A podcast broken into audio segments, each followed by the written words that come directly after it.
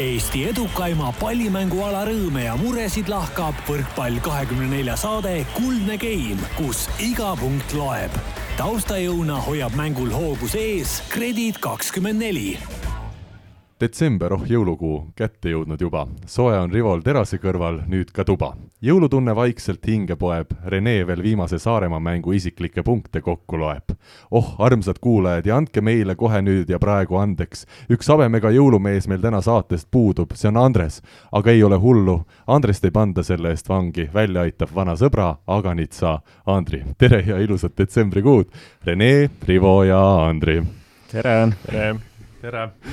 mul on täna olukord, kus siis äh,, meil on täna olukord, kus Andres Toobalit ei ole, tal läks autoremonti Türil vist ja, ja ta sõidab nüüd rongiga igale poole, ma täpselt ei teagi, kuhu, tervitame Andrest. ja olukord on sõna otseses mõttes kriitiline, sest Andrese koha on võtnud siin stuudios füüsiliselt üle Rene, kes on minule veel lähemal kui muidu. nii et täna, head kuulajad, kes te ootate Rahvaliigas nalju ja jutte ma ei julge neid ilmselt teha, aga meil on teemasid teisigi ja esiteks äh, mul on küsimus Rivole, kas sinul päkapikud juba käivad, mina pean ütlema, et äh, pärast seda, kui ma üksinda elama olen hakanud juba pea kümmekond aastat, ei ole mul millegipärast päkapikk enam käinud. minul ka ei käi päkapikud. meil on pahad lapsed olnud ilmselt. kümme aastat. sina jah? ma ei, mis sa teed seal kodus üldse? kui sa üksi oled? uudiseid. aa, no vot, siis ei olegi, ega päkapikud vaatavad, et mingi tööloom ei hakka tulema. aga mis sa tahaksid, kui päkapikud, mis sa tahaksid päkapiku käest saada? raha. Raha see on väga mõistlik soov, kus kinkekaarte võiks tuua, onju. iga hommik sajane näiteks. jah, see oleks väga hea. mida sina tahaksid päkapikult täna saada? väga hea mõte, ma võtaks ka sama, maksuvaba tulu võimalikult palju. kas päkapikud ei ole juba maksud maha või ära maksnud, enne kui nad toovad sussi sisse raha?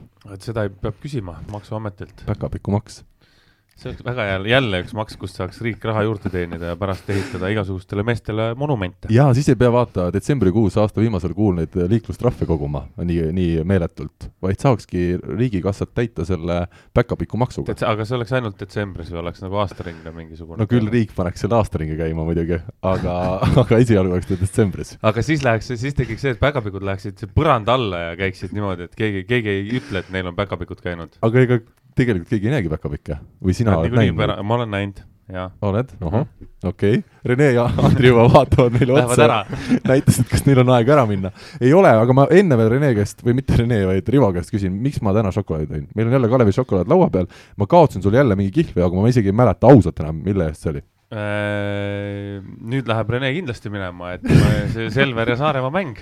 ma küsisin, et kes võidab, sa ütlesid üsna kindlalt Saaremaa seesama poolfinaalkarikas, mis nüüd oli. vaata, ma pean siia stuudiosse tulema mitte maski, vaid kiivriga, sest siin võibki minna päris karmiks see värk, aga ei ole hullu, Renel on tegelikult hea tuju täna, ma arvan, sest äh, neil on õnneks see šokolaad vaatab jälle aitab, aitab, see silub, see silub, ma kujutan ette, et see hoiab praegu Reneed sedasi kenasti mängus. ütleme siis tere ka Renele ja Andrile. Äh, ja küsimus esiteks Renele, kas, kas see Saaremaa mäng on ikkagi jätkuvalt äh, meeles? Esimene või juba mõtled kordusmängule, mis siis homme ja head kuulajad, teie, mil te meid kuulate kolmapäeval juba, täna on toimumas mm,? tead, ega ma ütlesin juba ammu, et minu jaoks on seeria, see kolmemänguline, võtame ka liigamängu sisse, et ühe sama vastase vastu ja ja, ja selline väikest viisi nii-öelda jah, nagu kevadel mängitakse finaalseeriat, et see on selline analoogne asi ja, ja ja, ja mul isiklikult ei ole vahet olnud, kas ta on olnud nüüd karikamäng või, või, või, või liigamäng, et teada oli, et tuleb selline olukord, kus, kus ei ole muid vastaseid siin kaks nädalat ja, ja keskendume ainult ühele meeskonnale, mis iseenesest mulle nagu väga meeldib, et et väga, väga süviti ja detailselt nii-öelda skauditakse vastast. ja, ja selles osas mõni, mõni võib-olla mõtleb, et, et ma ei tea, mida arutatakse jube lahti ja, ja kuidagi tekib mingi pinge, mulle vastupidi nagu meeldib süvitsi kellegi, kellegi mängu nagu lahti arutada, et ja seda pärast ka siis platsil ellu viia, et äh, ei äh,, pigem ei mõtle minevikule, vaid äh, homme selles mõttes algab kõik nullist ja, ja olgugi, et meil on kahte game'i vaja, siis ega noh, väga-väga-väga loll oleks mõelda, et me nüüd lähmegi seda kahte game'i püüdma, et ilmselgelt me lähme samamoodi seda mängu mängima niimoodi, et päeva lõpuks meie, meie võidame ja, ja vastane kaotab, et äh, niimoodi mõtleb ilmselt ka Saaremaa, selles suhtes midagi muutunud ei ole Andres, sina oled täna siis Andres Toobali rollis, Andres on selline tasakaalukas meil siin stuudios olnud, kes äh, hoiab ikkagi rahu maa peal. kas sul on plaanis ka samasugune roll võtta või hakkad sa kohe siin näiteks Renega ikkagi äh, jagama maid? ega mõneti see tulemus kindlasti üllatus, et niigi äh, selline üks murdemoment seal mängus oli ja, ja pärast seda nagu oli väga selgelt ühele poole kaldu, et et see oli mulle kindlasti üllatus, nii palju, kui ma seda mängu nägin. Aga kindlasti saab olema, ma arvan, siin äh, kolmapäeval väga tasavägine mäng ja selge on see, et iga õnnestumine, ma arvan, Selveri poolel muudab Saaremaa olukorda raskemaks, et aga usun, et väga põnev mäng tuleb. küsin sult nii, Andri, äh, miks sa täna Eestis oled? sa oled siis meil Kreeka liigas mängimas Thessaloniki Pauki ridades, aga juba paar nädalat siin Eestis olnud, milline seis sul Kreeka liigas on siis? Äh, üsna ruttu läks see asi kõik nii-öelda pausile, et äh, kui nädala alguses, mil, mil seal asjad olid, et äh, öeldi, et all, ainult meie linn läheb nii-öelda lockdowni.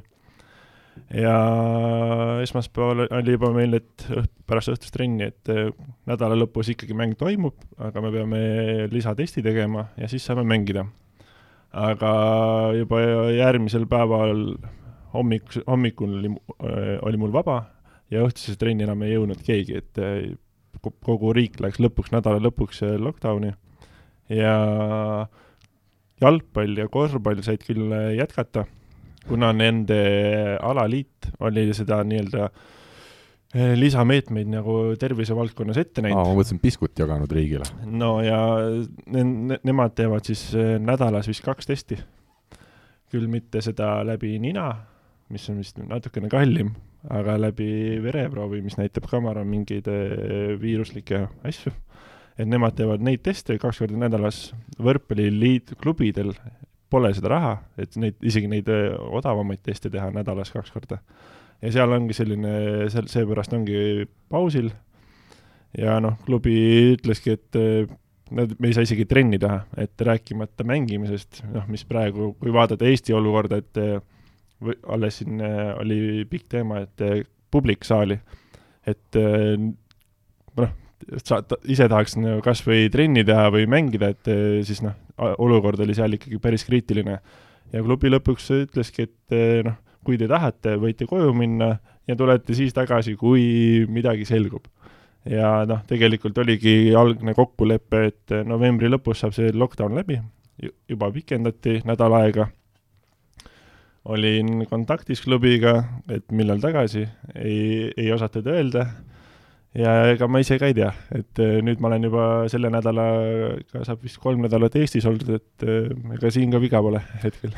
Ei ole, ei ole, räägi, kuidas on, ma tean, sa oled Tallinna Selveri treeningutel ikkagi mõnevõrra osalenud, kuidas see treeningprotsess seal tundub sulle, tänavu ju päris huvitav koosseis meil Selveri võistkonnas. Eks seal selles suhtes väga üleliia palju pole käinud, mingi kolm-neli trenni äkki olen käinud, et kuna on mängud ja reisid ja et paratamatult tekib ikkagi selline kolme-neljapäevane vahe ikkagi sisse. aga ega seal on hästi palju selles suhtes tuttavaid nägusid, et äh, treenerid ja paljud koondislased on kindlasti tuttavad ja sul ja, üks libero ka päris lähedane. ja, ja üks tempomees ka veel. tõsi? jah, et selles suhtes on selline tuttavad näod, mõnus keskkond, kus äh, natukenegi võrkpalli mängida, et kindlasti on nälg väga suur selle järgi, et mida pikem paus, seda hullem tegelikult on, et ei taha, taha üldse lasta pikk, pikka pausi sisse ma ei tea, palju sellest rääkida saad ja tahad, aga kas on variant, et sa ei lähegi Kreekasse tagasi, kui sa vaatad praegu, kuidas seal asjad käivad ja kas on ka täitsa variant, et sa tuleksidki Selverisse mängima siin hooaja teisel pool? Seda on veel, hetkel on veel väga vara kommenteerida, et isegi pole mitte kellegagi nii-öelda väga konkreetselt jutte rääkinud sellest eh, nii-öelda tagasitulekust, et hetkel on vaja kõigepealt asjad seal selgeks saada ja kui, kui seal tõesti mitte midagi ei saa, siis tuleb kuulata igasuguseid maid. Äh, Rivo, kas äh, ühte head tempomeest oleks Selverile veel vaja? Ma just tahtsin öelda, et Selveris ei pruugi peale saada. seal on nii nagu kõva mees on ees, et. aga TalTechi võib ikka minna, seal võetakse minu arust kõik tempod vastu. diagonaali, jah, sinna võetakse jah, kõik ülejäänud te tempod, mis Eestis on, kõik võetakse TalTechi vastu.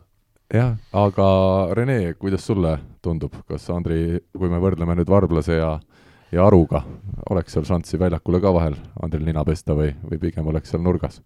Ma arvan, et hetkel praegust olukorda arvestades ei ole õiglane siin selliseid kommentaare visata, et jah, loomulikult Andri tuleb ja lööb platsi puhtaks, et selles mõttes pigem ausalt öeldes tõsiselt ma kiidaks äh, noori tempomehi, kes kes hooaja alguses võib-olla olid kohati selgelt hädas mingite asjadega, informatsiooni ilmselt oli liiga palju nii individuaalselt trennis kui ka ütleme, scouting mängudes oli, käis üle jõu, aga vaikselt nad on äh, ilmselgelt jalgu alla saanud ja kohanenud, et äh, tänaseks äh, nad on, no ma arvan, hoopis teisest klassist, mis nad olid siin kaks kuud tagasi ja ja, ja füüsiliselt on nad mõlemad väga heade eeldustega, see on selge, et, et pigem ongi see, see ütleme, kogemus ja, ja võrkpalli abc, ütleme ikkagi õppimine juurde veel, et ma usun, neil on äh, väga korralik tulevik äh, silme eest terendamas, kui, kui tahtmist, jaksu ja tööd nii-öelda jagub. Sa oled nüüd Andrit ka paaris trennis näinud, kas tal ka veel sellist arenemisruumi on? õpetasid teda trennides natukene kuskil paremini liikuma või vaatama asju? ei, ma arvan, et ta on niisugune vana kala, et tal ei ole häda midagi, et et eks, eks paljugi ilmselgelt ju sõltub, mis seisus see õlg on ja ilmselt, ilmselt ta on tööd sellega palju teinud ja, ja usun, et ega ta võib-olla pühib siin tolmu maha, ta ei ole, ütleme siin viimased kuu aega võib-olla nii stabiilselt igapäevaselt äh, professionaalselt siis ütleme trenni teinud, aga, aga noh, kaks nädalat ja ta on vormis jälle. Äh, Rivo, räägime ühest mehest, kes on nii kõva, et äh, ta lausa kandideerib kahes erinevas riigis aastatreeneri tiitlile. sa tead, kellest ma räägin? see ei ole sina? või kuigi sind jälle ei ole seal Eestis? mind ei ole üldse, jah see EM-i hõbe ilmselt ei ole päris see, mida mis sa tegema pead? mis kandideerimisele sobiks. mis sa pead tegema? ma ei tea, ma arvan, et sa pead Läti koondise rannapoorid viima medalile. Eh, ma arvan, et ma peaks võitma, ma just täna hommikul arutasin ühe sõbraga seda teemat ja ja minu arust noh, jääb selline mulje, et mida nagu nõrgem on su võistkond, seda suurem võimalus, et sa saad kandidaati tulla. mida nõrgem on su võistkond, mitte et ma ütleks Läti koondis nõrk on, mida nõrgem on su võistkond ja mida raskem on nagu midagi saavutada seda suurem võimalus on, et sa, sa võidad seal mingisugune, ehk siis, et äh, võtame, me jõudsime selleni, et kui on ju äh, Kirt tuleb EM, MM-il teiseks, nagu ta eelmine aasta tuli, eks ju.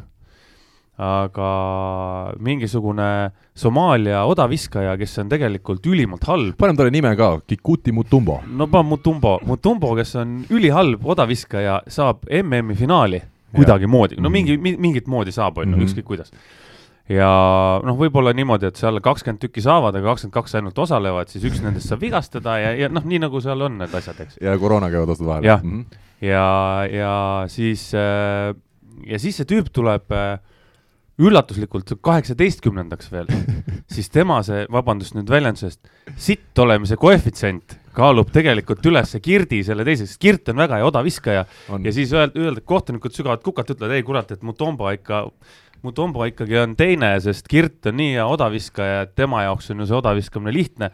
Mutombo on nii sitt, et tema jaoks on see nagu keeruline ja tegelikult oma kaheksateistkümnenda kohaga on tema hoopis kõige parem. aga mina teen siit üleskutse Eesti võrkpallisõpradele, ma tean, meid kuulavad ka teised inimesed, mitte ainult võrkpallisõbrad, et seal on võimalus, see on lahter, et lisa oma kandidaat ja, ja Rivo Vesikut saab sinna panna, kuigi muidugi meil on Aavo Keel ka võrkpalliinimesena seal sees, kes seda tiitlit kahtlemata vääriks, aga, aga et seal on see võimalus olemas, ma ei tea, palju peaks üldse neid hääli siis saama või, või andma sealt eraldi veel sellesse lahtrisse kirjutades, et lõpuks ka see Rivo nägu sealt kuskilt valikusse ilmuks, aga eks see natukene crazy olukord ole, ma ei ei, mis seal ikka, ma olen sellega juba harjunud, et eelmine aasta näitas ära, et eh, noh, ma ja, ja nüüd ma ei tee nalja, et eelmine aasta näitas ära, et kui sul on tugev võistkond ja sa teed tulemust, siis see tulemus ei ole see. Hmm.. et see, seda tööd, mis enne selleks tehti, et see võistkond saaks tugevaks, seda ei arvestata et see tulemus lihtsalt ei olegi see huvitav, seda, siin võib täitsa kommentaari küsida EOK-lt, kes selle siis määrab, äh, eriti veel siis tänavusel aastal, kus meil oli väga vähe üldse võistlusi, mida sedasi hinnata ja, treenerid, kes midagi oma võistkondade või sportlastega saavutasid. aga küsimus, kas Aavo Keelel on suurem tõenäosus saada aastatreeneriks Eestis või Lätis?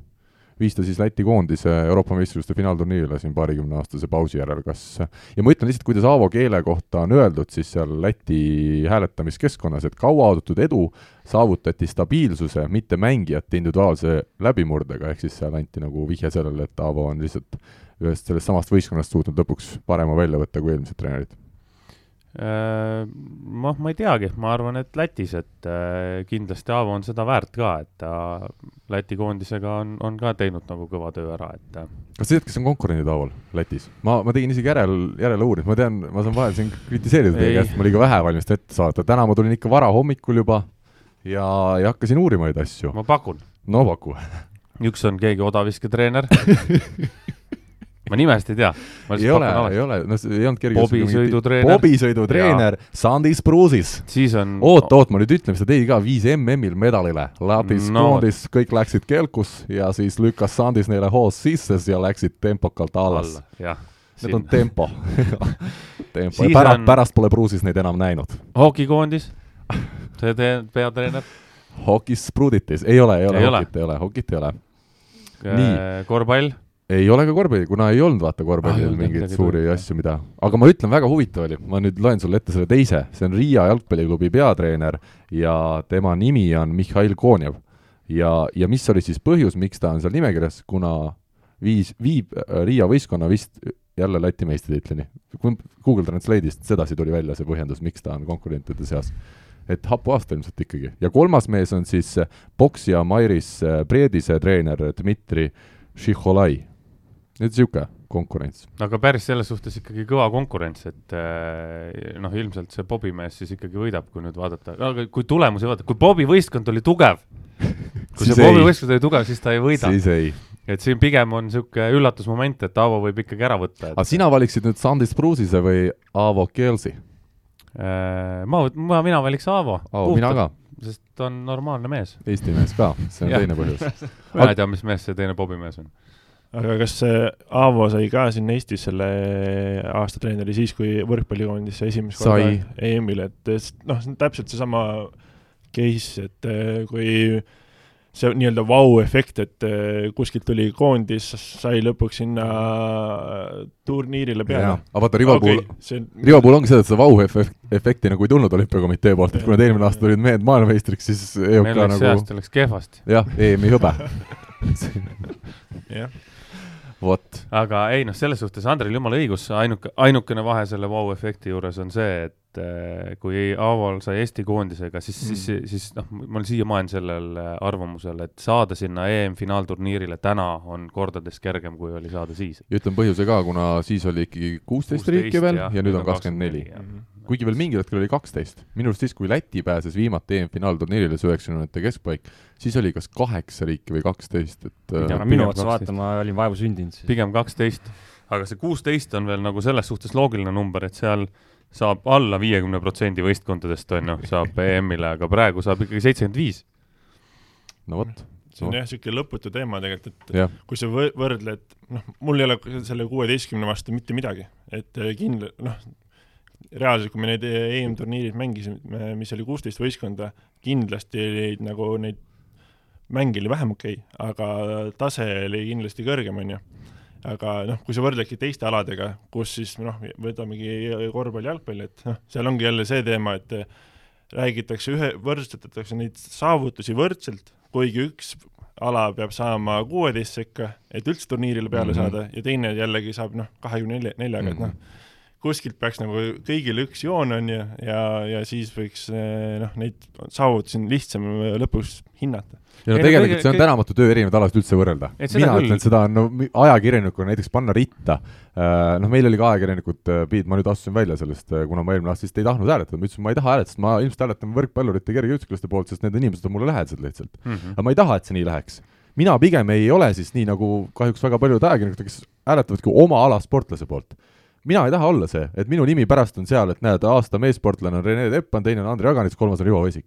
see ei ole õige, ma annan endale ka aru. minu arust väga hea valik. ja adekvaatselt jälle hinnata minu arust erinevaid alasid on võimatu. võib-olla järjekord oli vale. ei, no aga muidu nimed on head. no aga tõsiselt tõsiselt, et see on ju nii, erinevaid alasid on ja, võimatu hinnata, kui sul ühel alal on mm. tulnud maadleja maailmameistriks, teisel alal on tulnud äh, aasta suurvõistlusel kergejõustikus äh, maailmameistriks, kuidas ma hindan neid, mille järgi ma ütlen, et Heiki Nabi on parem kui Magnus Kirt näiteks, kui peaks mõlemad maailmameistriks tulema, minu arust see on võimatu seda teha. ja see nagu on, konflikt on siis sisse, sinna sisse kirjutatud ja mul ei ole sellist konflikti vaja. Noh. Harra-, harrastajate arvu järgi. no, no, oleks üks koefitsient. nii et siis mingil alal ei olegi võimalik aastasportlaseks tulla, ükskõik mis sa teed, kuna ala koefitsient on väiksem kui mingil teisel alal.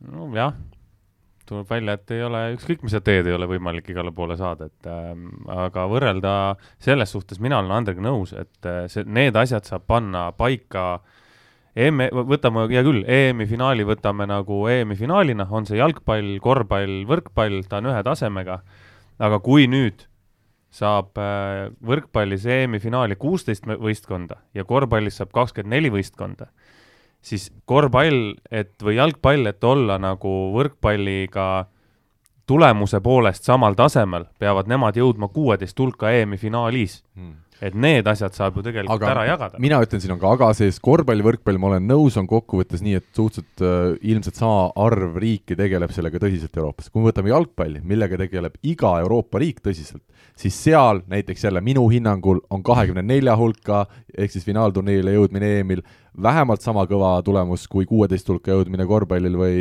või võrkpallil et see on igavikune teema jälle. Noh. jah, noh jah, ma, kõik riigid ei tegele tõsisega, me oleme ise seda siin näinud. Eesti ei tegele või? väga tõsiselt ei võeta asja jah, et äh, aga no, arvestada, et arvult on jalgpall ikka kõige suurem Eestis. jah, ei, sellega ma olen nõus jah, ega see, see on lõputu, lõputu, lähme edasi. Lähme edasi, aga õnneks ma pean siis ütlema nii palju, et me pärast eelmist saadet panime üles selle küsitluse, et kui pikk võiks meie saade olla, kuna meie eelmine saade läks pikemaks kui eelnevad. ja nüüd oli see, see statistika oli minu jaoks nagu uskumatult äh, ühepoolne.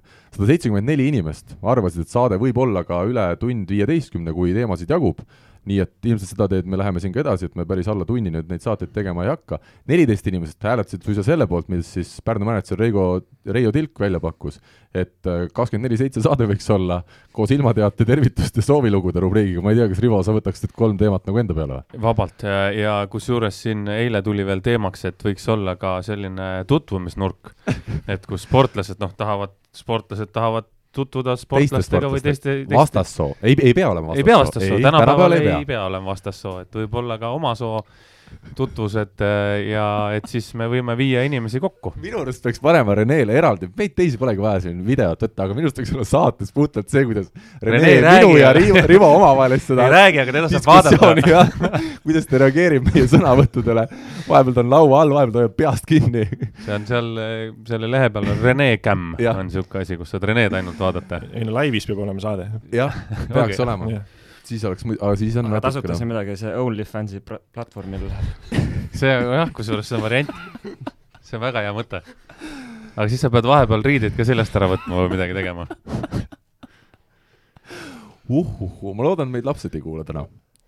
no ei, ei noh. aga me ei ole midagi halba öelnud. ja, aga saunas võetakse ka riided ära.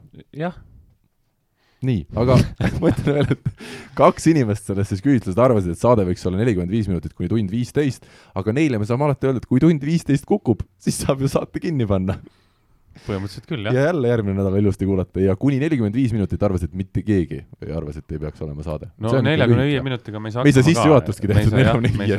me pole veel teemadeni jõudnudki, kusjuures praegu kakskümmend minutit on läinud. meil nii. lihtsalt ei ole nii vähe aega, et me saaks neljakümne viie minutit. meil ei ole nii vähe mõtteid, ma ütleks pigem. et kui me tuleks siia kokku ja me juba saate sissejuhatuse ajal vaatame, et kas on mõni teema veel võtta. peaks kolm korda nädalas saadet tegema, siis saaks neljakümne viie minutiga hakkama mm. -hmm. nojah, jah okei okay,, aga meil on tõesti, meil on tõesti seekord nagu teemasid, teemasid jagub. nii et julm nädal oli ka võrkpallis, nii et paneme leierkasti jälle mängima ja hakkame vanu ja uusi teemasid taas üle leierdama.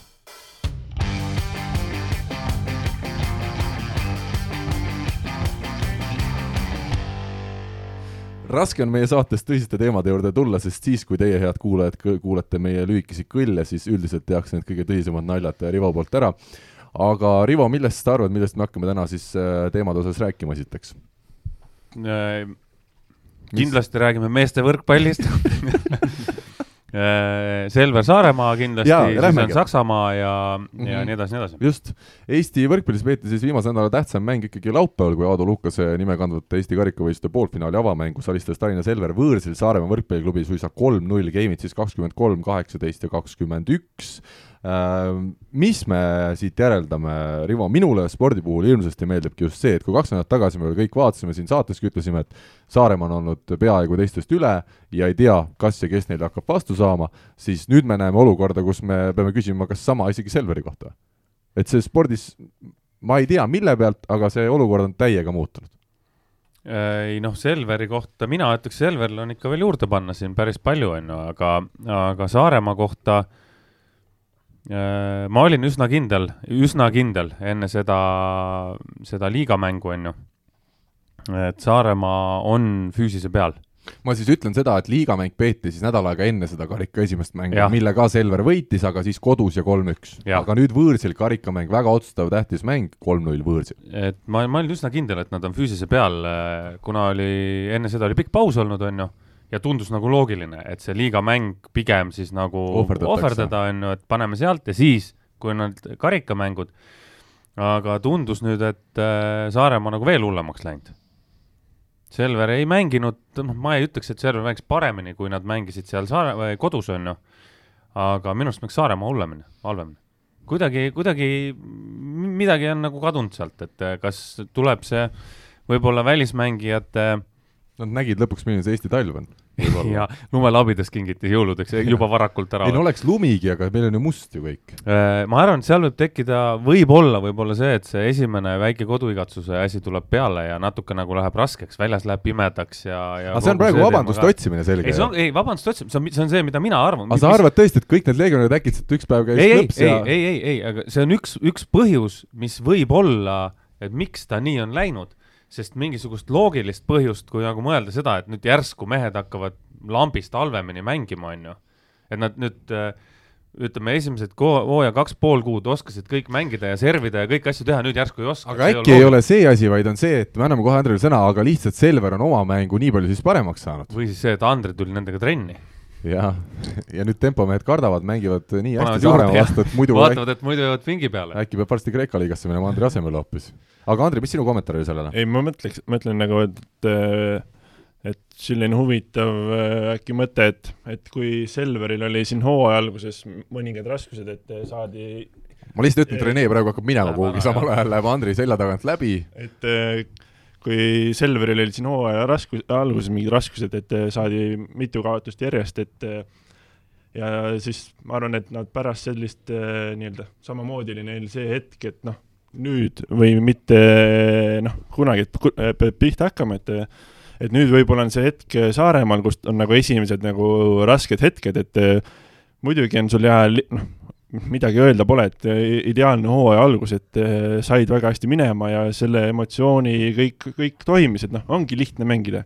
aga nüüd, kui esimest korda nad tegelikult pandud eh, raskesse seisu, selg on vastu seina, et noh, saab väga huvitav olla näha, et mis nüüd kõik need nii-öelda kogenud tähtsamad mehed teevad nüüd selle pinge all, et kas, kas tuleb midagi või ei tule, et kindlasti saab olema väga huvitav mäng, ma arvan aga üks asi, mis mind pani imestama, on sama, mis sina ütlesid ennem, Andri.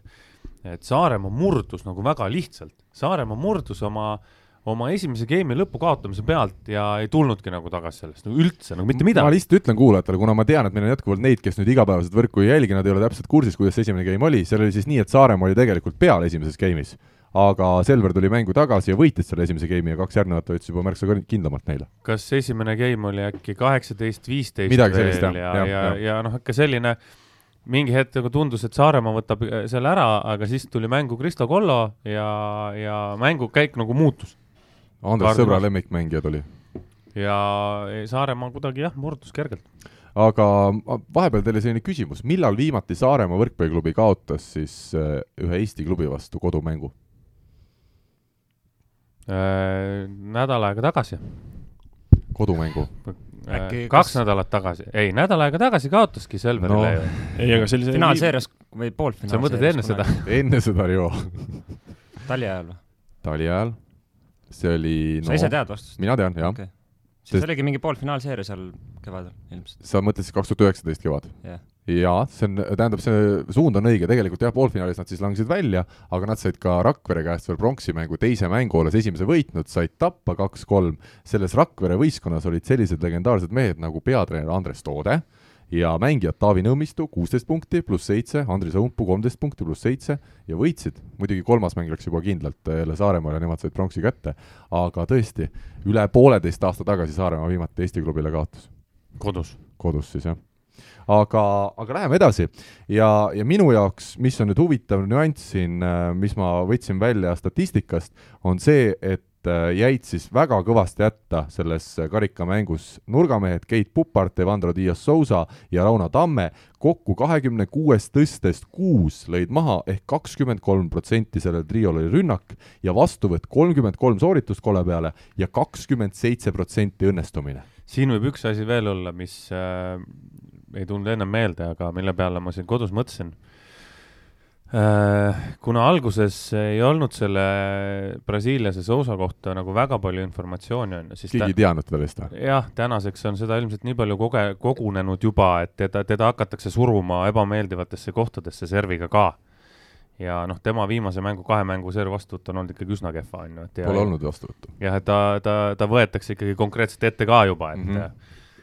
Et see, see võib ka olla üks põhjuseid, et on leitud üles mingisugune nüanss, kust saab nagu võtta kas äh, Rene, sa oled selle teooriaga nõus, et, et Sousa lihtsalt alguses oli tundmatu mees, sest mina juba hooajal, kui ma tegin temaga seda pikemat intervjuud, oli nagu minu jaoks üllatav, et ta oli enam kui kümnes riigis mänginud ja ta on siis umbes kolmekümne aastane praegu, et kui ta iga aasta ikkagi vähemalt üks kord on klubi vahetanud, et kas see juba näitab midagi või võrkpall ongi selline, kus iga klubi liigutakse ühest klubist teise ja selle põhjal veel järeldusi teha ei saa?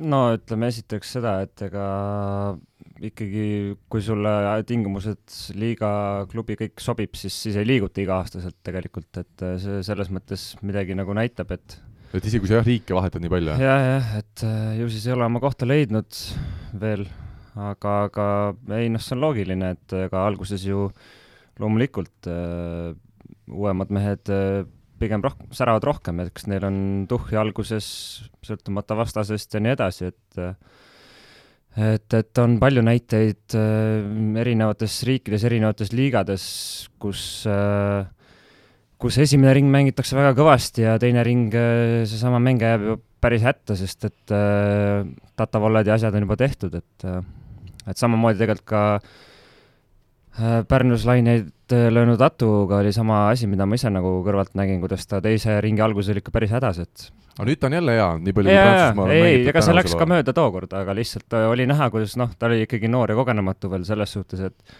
ta oli nagu vaimselt äh, maas omadega, sest ta ei saanud aru, mis toimub, et ta enda arust nagu mängis samamoodi, tegi samu liigutusi, aga pallid ei jäänud maha enam, et et ma ei ütle, et nüüd äh, et ainult sellepärast ta kuidagi on kehvemini mänginud või esinenud. Eks seal on vist mingisugused äh, personaalsed mingisugused mured tal ka hetkel kaelas, see selleks, aga, aga noh, ilmselgelt jah, ega ma arvan, me oleme äh, üks nendest võistkondadest, kes oskab äh, taktikaliselt hästi mängida ja, ja vastase nõrkusi nii-öelda ära kasutada ja seda me siiamaani oleme üritanud teha. ma ütlen lihtsalt vahele jälle kuulajatele, et Chisoba Neves Ato oli siis mees, kes Brasiiliast tuli Pärnu võrkpalliklubisse mängima hooajal kaks tuhat kaheksateist, üheksateist ja lõpuks siis, kuigi hooaja algus midagi erilist ei olnud üldse, siis hooaja lõpuks oli ta selgelt üleplatsi mees Eesti liigas ja viis Pärnu siis veidi üllatuslikult ka Eesti meistritiitlini. Rivo, räägime nüüd äh, Eesti meestest, kiidame Tallinna Selverit, Oliver Orav viisteist punkti pluss kaheksa, Rene Teppan kolmteist punkti pluss neli, Andrus Raadik kümme punkti pluss kolm, Mark Saru kuus punkti pluss kuus, tegelikult need efektiivsusnäitajad kas tõestavad ära, äh, ma küll ütlesin, et me hakkame kiitma aga et see, need näitasid ära, et ega Selver ei teinud mingit supermängu. et, äh, et seal nagu kumbki võistkond ei olnud nüüd päris, no see, see võrkpall, mida mängiti, ei olnud nii ilus, nagu, nagu ta võib-olla ideaalis võiks olla no seda ma ütlesin ennem ka, et ega Selver, Selver ei mänginud paremini, kui, kui ta mängis äh, siis kodus, et äh, mina äh, võrkpall iseenesest oli enam-vähem okei okay,, aga, aga ja. kindlasti mõlemad võistkond saavad nagu paremini mängida, et mm -hmm. siin ei olegi mingit küsimust. kokkuvõttes oli ikkagi see nii-öelda Selveri trio nii-öelda, kes on nagu väljaspool, noh, nurgad ja Diago oli ikkagi üle Saaremaa omast, et noh, sealt tulebki see vahe lõpuks välja, miks see kolm-null ikkagi oli. kas Renet Vanker on nüüd siis tänasel päeval juba Aleksander Dušist parem mängija või? vaat see oligi, mis ma tahtsingi praegu kohe siia otsa öelda Andri kommentaarile, et äh, Renet Vanker on viimased mängud mänginud stabiilsemalt, noh, ikka palju stabiilsemalt, kui ta hooaja alguses pani, ja vastupidiselt on Saaremaal, ma arvan, et ega see kõigutamine seal ühe sidega ja teise sidega, ega ta nagu mängijatele lihtne ei ole tegelikult, et sa, sul, on vaja ikkagi mingisugust klappi, et kui sul, sa trennis ei saa neid, see, sellepärast ongi põhikoosseis, on ju, ja, ja on see teine koosseis et selle teise sidega sa saad tegelikult trennis üsna vähe harjutada. ja niimoodi fifty-fifty lasta, siis on, äh, on, või võib tekkida raskusi sealt mida me veel oskame välja tuua, kas siis äh, tempomehed, nii nagu Rene siin ka saate alguses juba ütles, et Mark Saru ja Mihkel Varblane on ikkagi hakanud paremini tegutsema kui hooaja alguses ja seda kaheksateist-aastast Mark Saru vaatad, siis äh, ei ole küll seda pikkust nagu nüüd meeletult palju, kakssada sentimeetrit ei ole temporündaja kohta mingi meeletu pikkus, aga, aga kuidagi väga teravalt ikkagi lahendab no temporündajate puhul on äh, see, et sa võid olla nii hea temporündaja, kui sa tahad, aga kui vastuvõttu ei ole, et ega sulle, sa võid seal käia ja petta, et siis, siis tuleb nagu see ploki osa juba juurde, on ju. aga vaadates seda viimast mängu, siis äh, Selveril oli vastuvõtt oli enam-vähem normaalselt käes, sai mängida tempot ja Aru ja Varblane olid plokis ohtlikud, kuna noh, nad on head mängijad, ma ütlen, et nüüd ainult sellepärast, aga Saaremaa said servi kätte neil oli lihtsalt nii palju rohkem aega survestada saarlasi seal, et, et see, sealt tuleb noh, see tempomäng ja me oleme rääkinud sellest, et tempomängijat üksinda võtta sellisena, et tema nüüd nagu hullult midagi teeb, on jube raske mm. -hmm. et tempomängijale tulevad e-, erinevad, diagonaalründaja on see, kes võib nagu üksinda teha mängu ära. lööb kogu selle jama, mida ei saada kätte, lööb lihtsalt maha ja ongi kõik. Ja tempole tulevad nii palju nüansse juurde ja noh, tempomängijate puhul ongi see, et sa pead lihtsalt oma need võimalused ära kasutama, et kui sul ongi hästi käes ja tõstetakse sulle, siis anna tuld. Rene, ma ei tea jälle, palju sa saad siin enne kordusmängu rääkida, aga Deniss Losnikov oli siis ka selles karikamängus nüüd ikkagi algkoosseisus, kuigi tal oli Rauno Haidla ja Sten Vahtres äh, taas koosseisus. kas see tuli nüüd selle pealt, et Losnikov nii hästi selle eelmise mängu oli mänginud ja ei olnudki nagu põhjust äh, vahetada tagasi või ikkagi Haidla ja, ja Vahtras on veel oma vormist eemal natuke või kaugel? noh, jah, eks ma ütleme liiga palju jah, ei muliseks ennem mängu, aga ütleme ilmselgelt ega Losnikov selles mõttes esimese liigamängu, kui ta, kui ta nii-öelda algusest lõpuni mängis, ta tegi oma asjad ju kenasti ära ja ja oli kindel selles, mida ta tegi, et äh, samamoodi ka teises mängus, et äh, hetkel on sellised mängud, kus, kus sa nii-öelda paned hetke parima koosseisu ilmselgelt väljakule, on ju. ja, ja, ja noh, oligi ju kaks, kaks noort kutti olid ju koroonas ja, ja eks loomulikult see jätab mingisuguse jälje, et et nad saavad rahulikult läbi selle siis võib-olla tagasi tulla ja, ja oma nii-öelda vormi selles mõttes saavutada, et ma ei usu, et neil, ütleme siin midagi nagu jube käest ära oleks, ütleme siis hetke vormi koha pealt, aga, aga noh, hetkel praegust on nii ja, ja midagi, midagi ei ole teha ja täna meil saade siis äh, üles läheb kell üheksateist null null peaks algama see kohtumine Audentese spordihoones, kuna meil on need piirangud peal ja koos mängijate, kohtunike ja teiste taustajõududega siis kakssada viiskümmend inimest võib üldse korraga seal Audentese saalis olla, siis need võrkpallisõbrad, kes ikkagi tahavad mängu oma silmaga koha pealt näha, need peavad kiirustama, internetist saab neid pileteid osta. Rivo, sa tead, kes, äh, kes abikommentaatorina ka üles astub sellele mängule? Ei tea veel, ei tea veel. ma võin sulle öelda no.. Äh, ta on äh, rannavõrkpallis viinud äh, Venemaa võrkpallurid maailmameistritiitlini mm,. ei oska öelda sellest. teda ei ole kunagi pandud nominentide hulka aasta treeneri valimisel. Pole isegi õrna aimugi. ikka veel ei, jah mm? -mm. no las ta siis jääda õhku ja las siis kuulajad ise nuputavad ja, ja kolmapäeval, kui saali ei lähe, siis saavad võib-olla vastuse teada ka. meie aga läheme siit edasi järgmise teemaga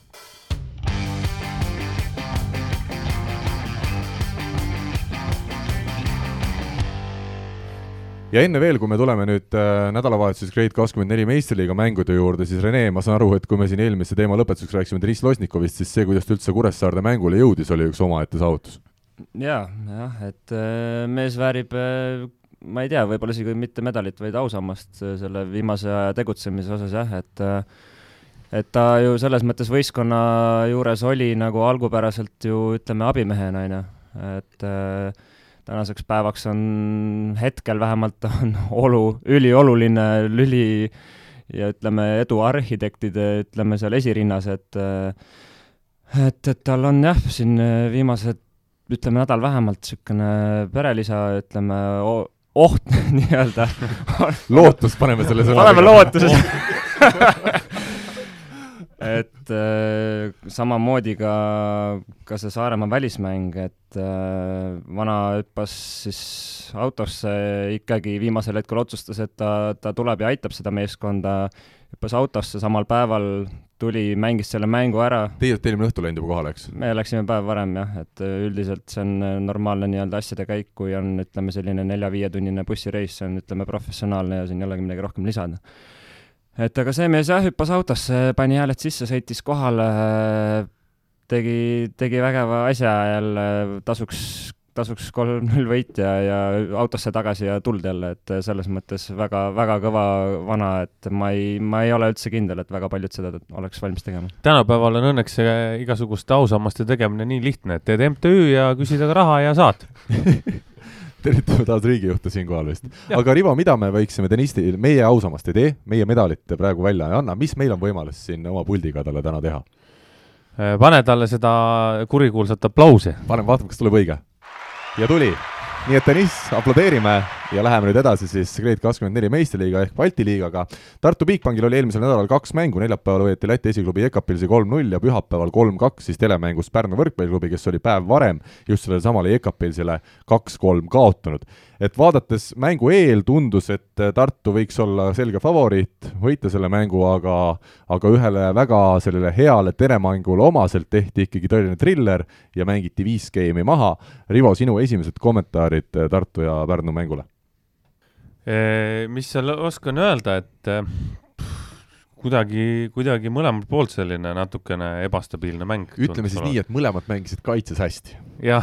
jah, jah, jah, see on väga ilusti poliitkorrektselt öeldud, et äh, mõlemad võistkonnad mängisid kaitse hästi, aga, aga, aga kuidagi jälle ma ei oska seda öelda, midagi oli nagu mõlematel puudu, et äh, no minu arust oli rünnaku lahendajaid oli nagu natuke puudu või seda jah, liidrit võib-olla ei olnud mm -hmm. kummaski võistkonnas, et niisugune äh, põnev mäng, mida vaadata, aga jättis nagu mingi väga siuksed kahetsed tunded. kahetsed tunded jah, sihuke nagu ei oskagi nagu kommenteerida seda midagi. tihtipeale pa, nagu need äh, pallivahet- või punktivahetused lõppesid oma veaga, et, et täpselt, see, see võttis kuidagi selle rütmi ära sellelt mängult, et natukene. aga proovime midagi siit leida, mida mina nüüd tooksin esiteks positiivse poole peal esile, on see, et neljakümne ühe aastane Gert Toobal on meil Tartul siis seljaprobleemiga väljas olnud paarist viimasest kohtumisest, aga see sümbioos on ikkagi kuidagi toiminud tartlastele, et Ronald Järv, kahekümne seitsme aastane mees, kellega Rene ja Andre on isegi maailmameistrivõistluste finaalturniiril mänginud juunioride seas koos, äh, on väga hästi sekkunud ja, ja tundub, et, et see tasemevahe Gerdiga ei ole meeletu, kas ma nüüd eksin või ei eksi? no ma võin siin natukene rääkida, et äh, nii ja naa, ütleme, Rannil selles mõttes on ka ikkagi teatud eelis Gerdi ees, ma usun, et just see, et ta on noorem. ma arvan, et tema eelis võiks olla see, et ta on natukene võib-olla väledam ja liikuvam väljakul kui Gert, et Gert on selline hea vana kala, kes võib-olla teatud olukordades äh, seisab äh, õige koha peal, võib-olla ei liiguta palju, aga teab, kus olla, et äh, et, et aga, aga Ronni ju tegelikult tõsta kvaliteet ei ole kunagi halb olnud, lihtsalt äh, lihtsalt jah, ütleme, väga palju on muretsetud tema ploki nii-öelda koha pealt, kus, kus kardetakse, et kasutatakse liiga palju ära, noh, oleme ausad, kasutati ka, ütleme, Pärnu poolt tegelikult päris hästi ära, et et ja võib-olla teine miinus seal võrgu kohal, ütleme nende võrgupealsete pallide kättesaamine, kus, kus oli ka teatud hetkedel tähtsates momentides oli probleeme, et et need on kaks selles mõttes jah, miinust, et, et aga, aga ma usun kindlasti Ronni on siin üks parimaid teisi nii-öelda siis sidemängijaid, et ma arvan, et suures plaanis midagi katastroofilist Tartu jaoks ei ole, kui, kui ütleme, Gerdil ongi kas lihtsalt mingisugune pisijama või, või kehv päev, et on olemas mees, kes täitsa suudab mängida. Alex Saaremaa juurde me täna veel tuleme, aga ma küsin lühidalt, Andri, sina oled ka Ronaldiga koos mänginud, olles ka väga pikk temporündaja, kas see, et nüüd sidemängija on lühike sul kõrval, kolmkümmend sentimeetrit lühem, kas see mõjutab kuidagi temporündajat, me oleme siin kunagi saates öelnud, et et kui on ikkagi väga suur pikkuse vahe, siis võib olla ebamugav see koostöö? pigem äh, ikkagi sõltub see, et kas äh, kas tõsta oskab või? jah, et et minu arust on keerulisem mängida nüüd mingi ülipika sidemängiga, mm -hmm. et äh, üks, üks, et noh, temaga on raskem, kuna ta hüppab, ise pead ka veel rohkem hüppama, noh, et seal on see aken on natukene väiksem, et aga kui on nagu pall tuleb altpoolt üles, et siis et tegelikult on mõnus. puhtalt äh, noh, sidemängu osavus on seal, et kas, kus, kus see pall nagu on. Ronald, on sinul ka lemmiksidemängijate hulka kuulumas? muidugi ei oota, oota, nii palju ei kiida, noh. nii, ei kiida, oota, aga ütle midagi, Rivo, äkki ütle midagi kehva Ronaldi kohta. väga kehva ei oska mina, Ronni kohta ei oska midagi, Ronni on legend. mina ka, minu arust ta Ronni on, on nii vahva sell. tõeline legend. Nendel kaksikutel veab, kellele ta juhuslikult isaks on. jah, ja teistel kaksikutel ka. ja Gerdi selle... omadel ka. jah, selle looga, selle looga tuli meelde eh, kunagi, ma võib-olla olen rääkinud selle loo siin, käisime kunagi mingisugust Pärnu võrkpalliklubiga CEF-i karikasarja alagrupi turniiril Luksemburgis ja seal oli üks Sloveenia võistkond, kus sidemängija oli kaks üksteist pikk. reaalselt kaks üksteist, tempomees oli kaks null viis, et sidemängija tõstis ülevalt alla. praktiliselt tegi nagu näppudega ülevalt alla liigutusi, et tempo ulataks lüüa. oli väga hea side nii kaua, kuni pall oli kolme meetri sees.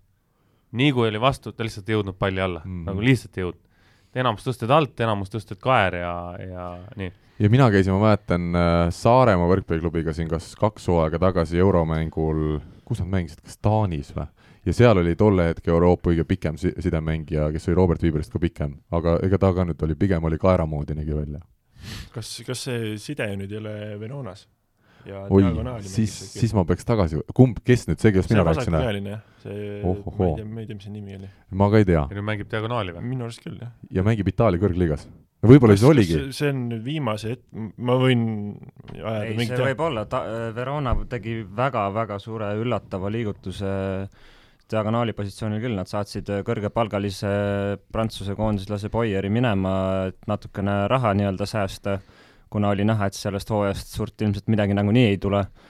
ja, ja võeti asemele tõesti üks noor vasakukäeline taanlane kuskilt oh. USA ülikoolist. ütle see, oota, mis võistkonnast me rääkisime? Verona, Verona kohe vaatame, meil on ju tänapäeval internet on olemas, see ei ole kuhugi ära kadunud. ja otsepõhisse ta maandus ja mängis juba mingid mängud päris enam-vähem isegi. miks mul Verona klubi, ahaa, nii, ma lihtsalt ütlen, et me siin teeme praegu otsingut, see peaks olema siis opposite, eks ole mm., Mats Kied Jensen, kakssada seitse sentimeetrit pikk äh, ja täiesti pikkuse poolest klapib, vanuse poolest kakskümmend üks, jah, tol hetkel ta oli väga noor ja ongi sama mees, nägu tuleb ka tuttav ette mm. -hmm. nii et selline huvitav avastus siin siis. mees, kes tõesti jättis kaera mulje seal äh, sellest, ta oli teine sidemängija, aga ta sai väljakule minu arust Saaremaa vastu. ja ma isegi tegin temaga mingi väikese loo, aga nüüd siis diagonaal väga no, huvitav. Läks seda teed, mida Nimir, Nimir.. aga Nimir on nüüd tagasi sidemängija positsiooni juures. sinna me veel jõuame. korraks, rahu, rahu, rahu. korraks täna on Rene see, kes tõmbab rahu, rahu. eelmine saade ütles Andres millegi peale, ma mäletan, rahu, rahu. ikka rahu. meil ei ole võrku ka vahel, et, et Selveri mehed on maru rahulikud vennad. on, on. sellepärast võib-olla võidavadki. ei tea, aga mil-, mida me veel siin selle, selle mängu puhul rääkida, mis mulle nüüd Pärnu puhul meeldis ei ole küll Marti keele need tõsted minu arust ei olnud pühapäeval väga täpsed, seal oli ikkagi ebatäpsust väga palju sees, mina nüüd ei oska hinnata, kas see on sidemängija viga või ka ründajate viga, aga ma julgen siinkohal välja öelda, et kui ma vaatan väljakut oleku, olekut väljakul Eesti liigas, Eesti võistkondadest, siis Marti on vaieldama-, vaieldamatult minu üks lemmikuid. sest ma näen, kuidas see mees isegi reamängus, ta põleb, ta tahab meeletult seda võitu saada, tema jaoks on iga mäng nagu viimane. et ta on nagu kaptenina selles suhtes minu arust super vend, kes seda võistkonda hoiab isegi, ma ei tea, nad võivad Taugapilsiga mängida, olla kaheksateist, kümme kolmandas skeemi sees. Ja ikka ma kujutan ette, et Marti on see, Marti on seal see mees, kes nagu innustab ja tiivustab, et kuidas selle kohtunikuga vaidles, isegi see nagu avaldas muljet, et ta, ta tahab nagu iga momendi eest ikkagi väljas olla ja ja, ja mulle ka, ka see väga Marti puhul meeldib, et kui osad mängijad, keda ma isiklikult tunnen, et, kui ma neid kritiseerin kuskil loos või nad toovad vähe punkte ja mainin selle loos ära, siis mõned natuke isegi solvuvad sedasi, et kuidas nüüd nii ja aga, aga Marti puhul on see, et, et tema nagu endas, minu enda puhul nagu kõige suurem kriitik minu arust, et, et tal kunagi ei ole sellest mingit probleemi olnud, kui keegi kirjutab või ütleb talle, et et sa tegid halva mängu, et ta ise on esimene, kes endale seda ütleb. olete te nõus Marti puhul? nõus ma arvan, et kõik need, terve see perekond on väga ausad mm. ja, nagu ja, ja niisugused kahe jalaga maa peal, et et ma arvan, see on kodus kaasastanud. aga, aga mängu osas ikkagi Pärnul annab veel kõvasti juurde panna. Atvars Osolits oli minu arust täiesti üllatav, et Läti koondise mees, suvel oli Läti koondis ka põhimees ja nüüd Tartu vastu no sisuliselt vaata, mäletad, kunagi oli, Rivo, sina mäletad kindlasti, Marko, where are you, niisugune reklaam oli Soome ralli eel. Nüüd oli nagu Atvarsi puhul saaks sama reklaami teha, täiesti kadunud, kaheksa punkti, miinus neli, midagi niisugust, jah, oligi. mingi, mingi hetk nad peavad hakkama ära kukkuma, et äh, hooaja lõpuni nad ei peagi vastuma selle koondise asja pealt ja aga noh, Pärnul on, Pärnul on hooaja algusest saadik olnud juurde panna ja on, on veel kõvasti juurde panna. aga kas nad panevad juurde, on minu küsimus, kas selle Atvarsi ja Kristaps Plataksi tase on selline, et, et ka hooaja tähtsates mängus stabiilselt hästi mängida, mina nagu üha rohkem kahtlen sellest, vaatan Plataksi viiendaid game'e, oi jumal see noh.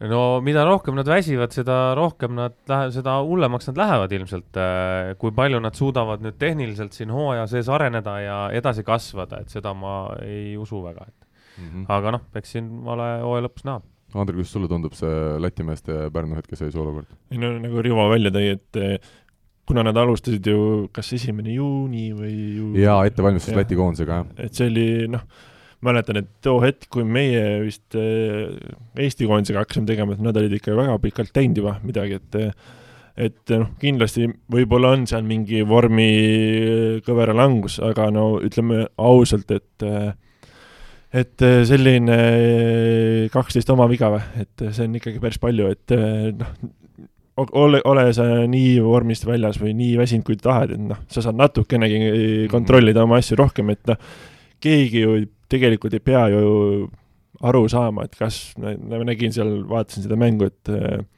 et Taavet pärast vahetust oli seal, näitas, et ma ei tea, kas hüpe on madal või noh, ütleme nii, et noh, reaalselt, et mängi, mängi nii, nagu sa suudad ja noh, et neid vabanduse, vabandusi ei ole vaja tuua, et noh, ega teiselt pool sa ei tea, üks hetk nagu kellel teisel on raske olukord, jah? täpselt, et noh, see on täpselt see üks mängu osa, et eh, mis sa, mis sa nagu välja näitad, et noh, sa saad nii palju ise ära teha, kui sul füüsiline olukord pole parim, aga ikkagi nagu seisa väljakul ja tee oma asja, et noh, sellega sa oled ikka meeskonnale kasulik, mitte ma küsisin Marti Keele käest ka, et mis seal Atvarsil võib olla, ta ütles, et füüsiliselt on tegelikult Atvars jätkuvalt hea, aga et pigem ongi siis see vaimne väsimus on tulnud sisse, et ei jõua lihtsalt enam nii täiega panna. no siin on üks, üks hea asi muidugi Avol äh, on see, et kui, kui, et see EM-i finaalturniir on sügisel, et nad saavad ikkagi natukene nagu maha lasta selle koormuse, on ju, mingi hetk. et mingi paus tuleb ikkagi, jah? jah, et äh, mõelge nüüd seda, et kui see finaalturniir oleks näiteks, ma ei tea, mai lõpp, juuni algus siis oleks, nende meestega oleks nagu üliraske, et nad praktiliselt panevad sul terve aasta ainult mängivad ja teevad mingit asja. aga jaa. kas, kas nüüd on see, vaata Läti jalagrupp oli vist ainuke, kes mängis selle turniiri ära et nüüd peaks tegelikult vist jaanuaris olema Just. need mängud, aga kas ma midagi Kreeka lehe pealt lugesin, et need mängud lükati maisse juba? ongi nii või? no vot seda ma ei tea. et noh täiesti võimalik, sest kui sa vaatad praegu maailma olukord Eesti naistekoondis peaks ka kogunema siin detsembri siis pärast jõule. noh, Eesti koondis võib koguneda mm, -hmm. aga teine asi on see, et kas ükski teine riik ka saab koguneda ja, ja mingeid mänge üldse peetakse. no okei okay,, aga Läti ju saabki siis ju järelkasvuga testida seda turniiri, kas kui neil on juba pilet taskus, ega nad ei pea rapsima selle Nad ei pea mängimagi? Nemad ei pea, neil on mängitud juba oma alagrupid. teised alagrupid lihtsalt lükati edasi, et siis ongi see, et ennem seda Golden League'i vist on see kõige tähtsamad mängud nagu ära põhimõtteliselt koondistele. ja siis on suve lõpus veel et noh, päris tihe suvi peaks tulema jälle. aga minul on minul on küsimus, Silver Maar sai nelikümmend korda vastuvõtul tööd selles viiekeemilises mängus, ülekaalukalt Pärnu võttis kõige rohkem, Rait Rikberg võrdluseks siis teisel pool võrku liberona kakskümmend kaks korda. kas Silver Maari, ja, ja Silver Maar ka eksis päris palju mingitel vastuvõtu hetkedel, kuigi tal kokkuvõttes ma vaatasin, protsent oli ikka seal seitsmekümne kandis. et kas see on nagu tõesti põhjendatud, saate aru sellest, miks Maari peal nii palju servitakse ilmselt on äh, poiss just sõjaväest välja tulnud, et äh, võib-olla, võib-olla on seal see, et äh, kuna võrreldes teistega on nagu treeni, treenituse tase vähem, et noh, samas jah, kui Oso Lins välja kukkus, kes Tammiksaar tuli asemele. Tammiksaar ja Toni Tammiksaar mängis hästi, teda võib küll kiita. mängis hästi, jah aga Silver mängis kaitset, mängis päris hästi. kogu aeg ees, aga mehed ei löönud maha. jah, ei löödud ära, jah. aga seda oli ka lahe vaadata, kus viies game oli põhimõtteliselt hanitamise peal, seal nagu mehed olid juba unustanud, et lüüa tohib ka palli. vaata, see on vahel nagu treener ütleb, et praegu ainult hanitame, esimene pall paneme Aniga ja, ja siis mängu ja siis vaatame. aga seal oli kõik pallid oli Aniga. et selge see kui ründajad ära ei löö, siis, siis me, siis me räägime, et siin, ma ei tea, Martti Keelmäe mängis kehva mängu, aga kui ründajad ära ei löö, siis sidemängija tõstab ka käed taeva poole mingi hetk, et sorry mehed, aga mis ma nüüd siis tegema pean, et äh, ma, mina, ma olen varem ka kuulnud seda mingisugust juttu, et ai-ai-ai, meil on umbes, side on kehva, kui me räägime Pärnust.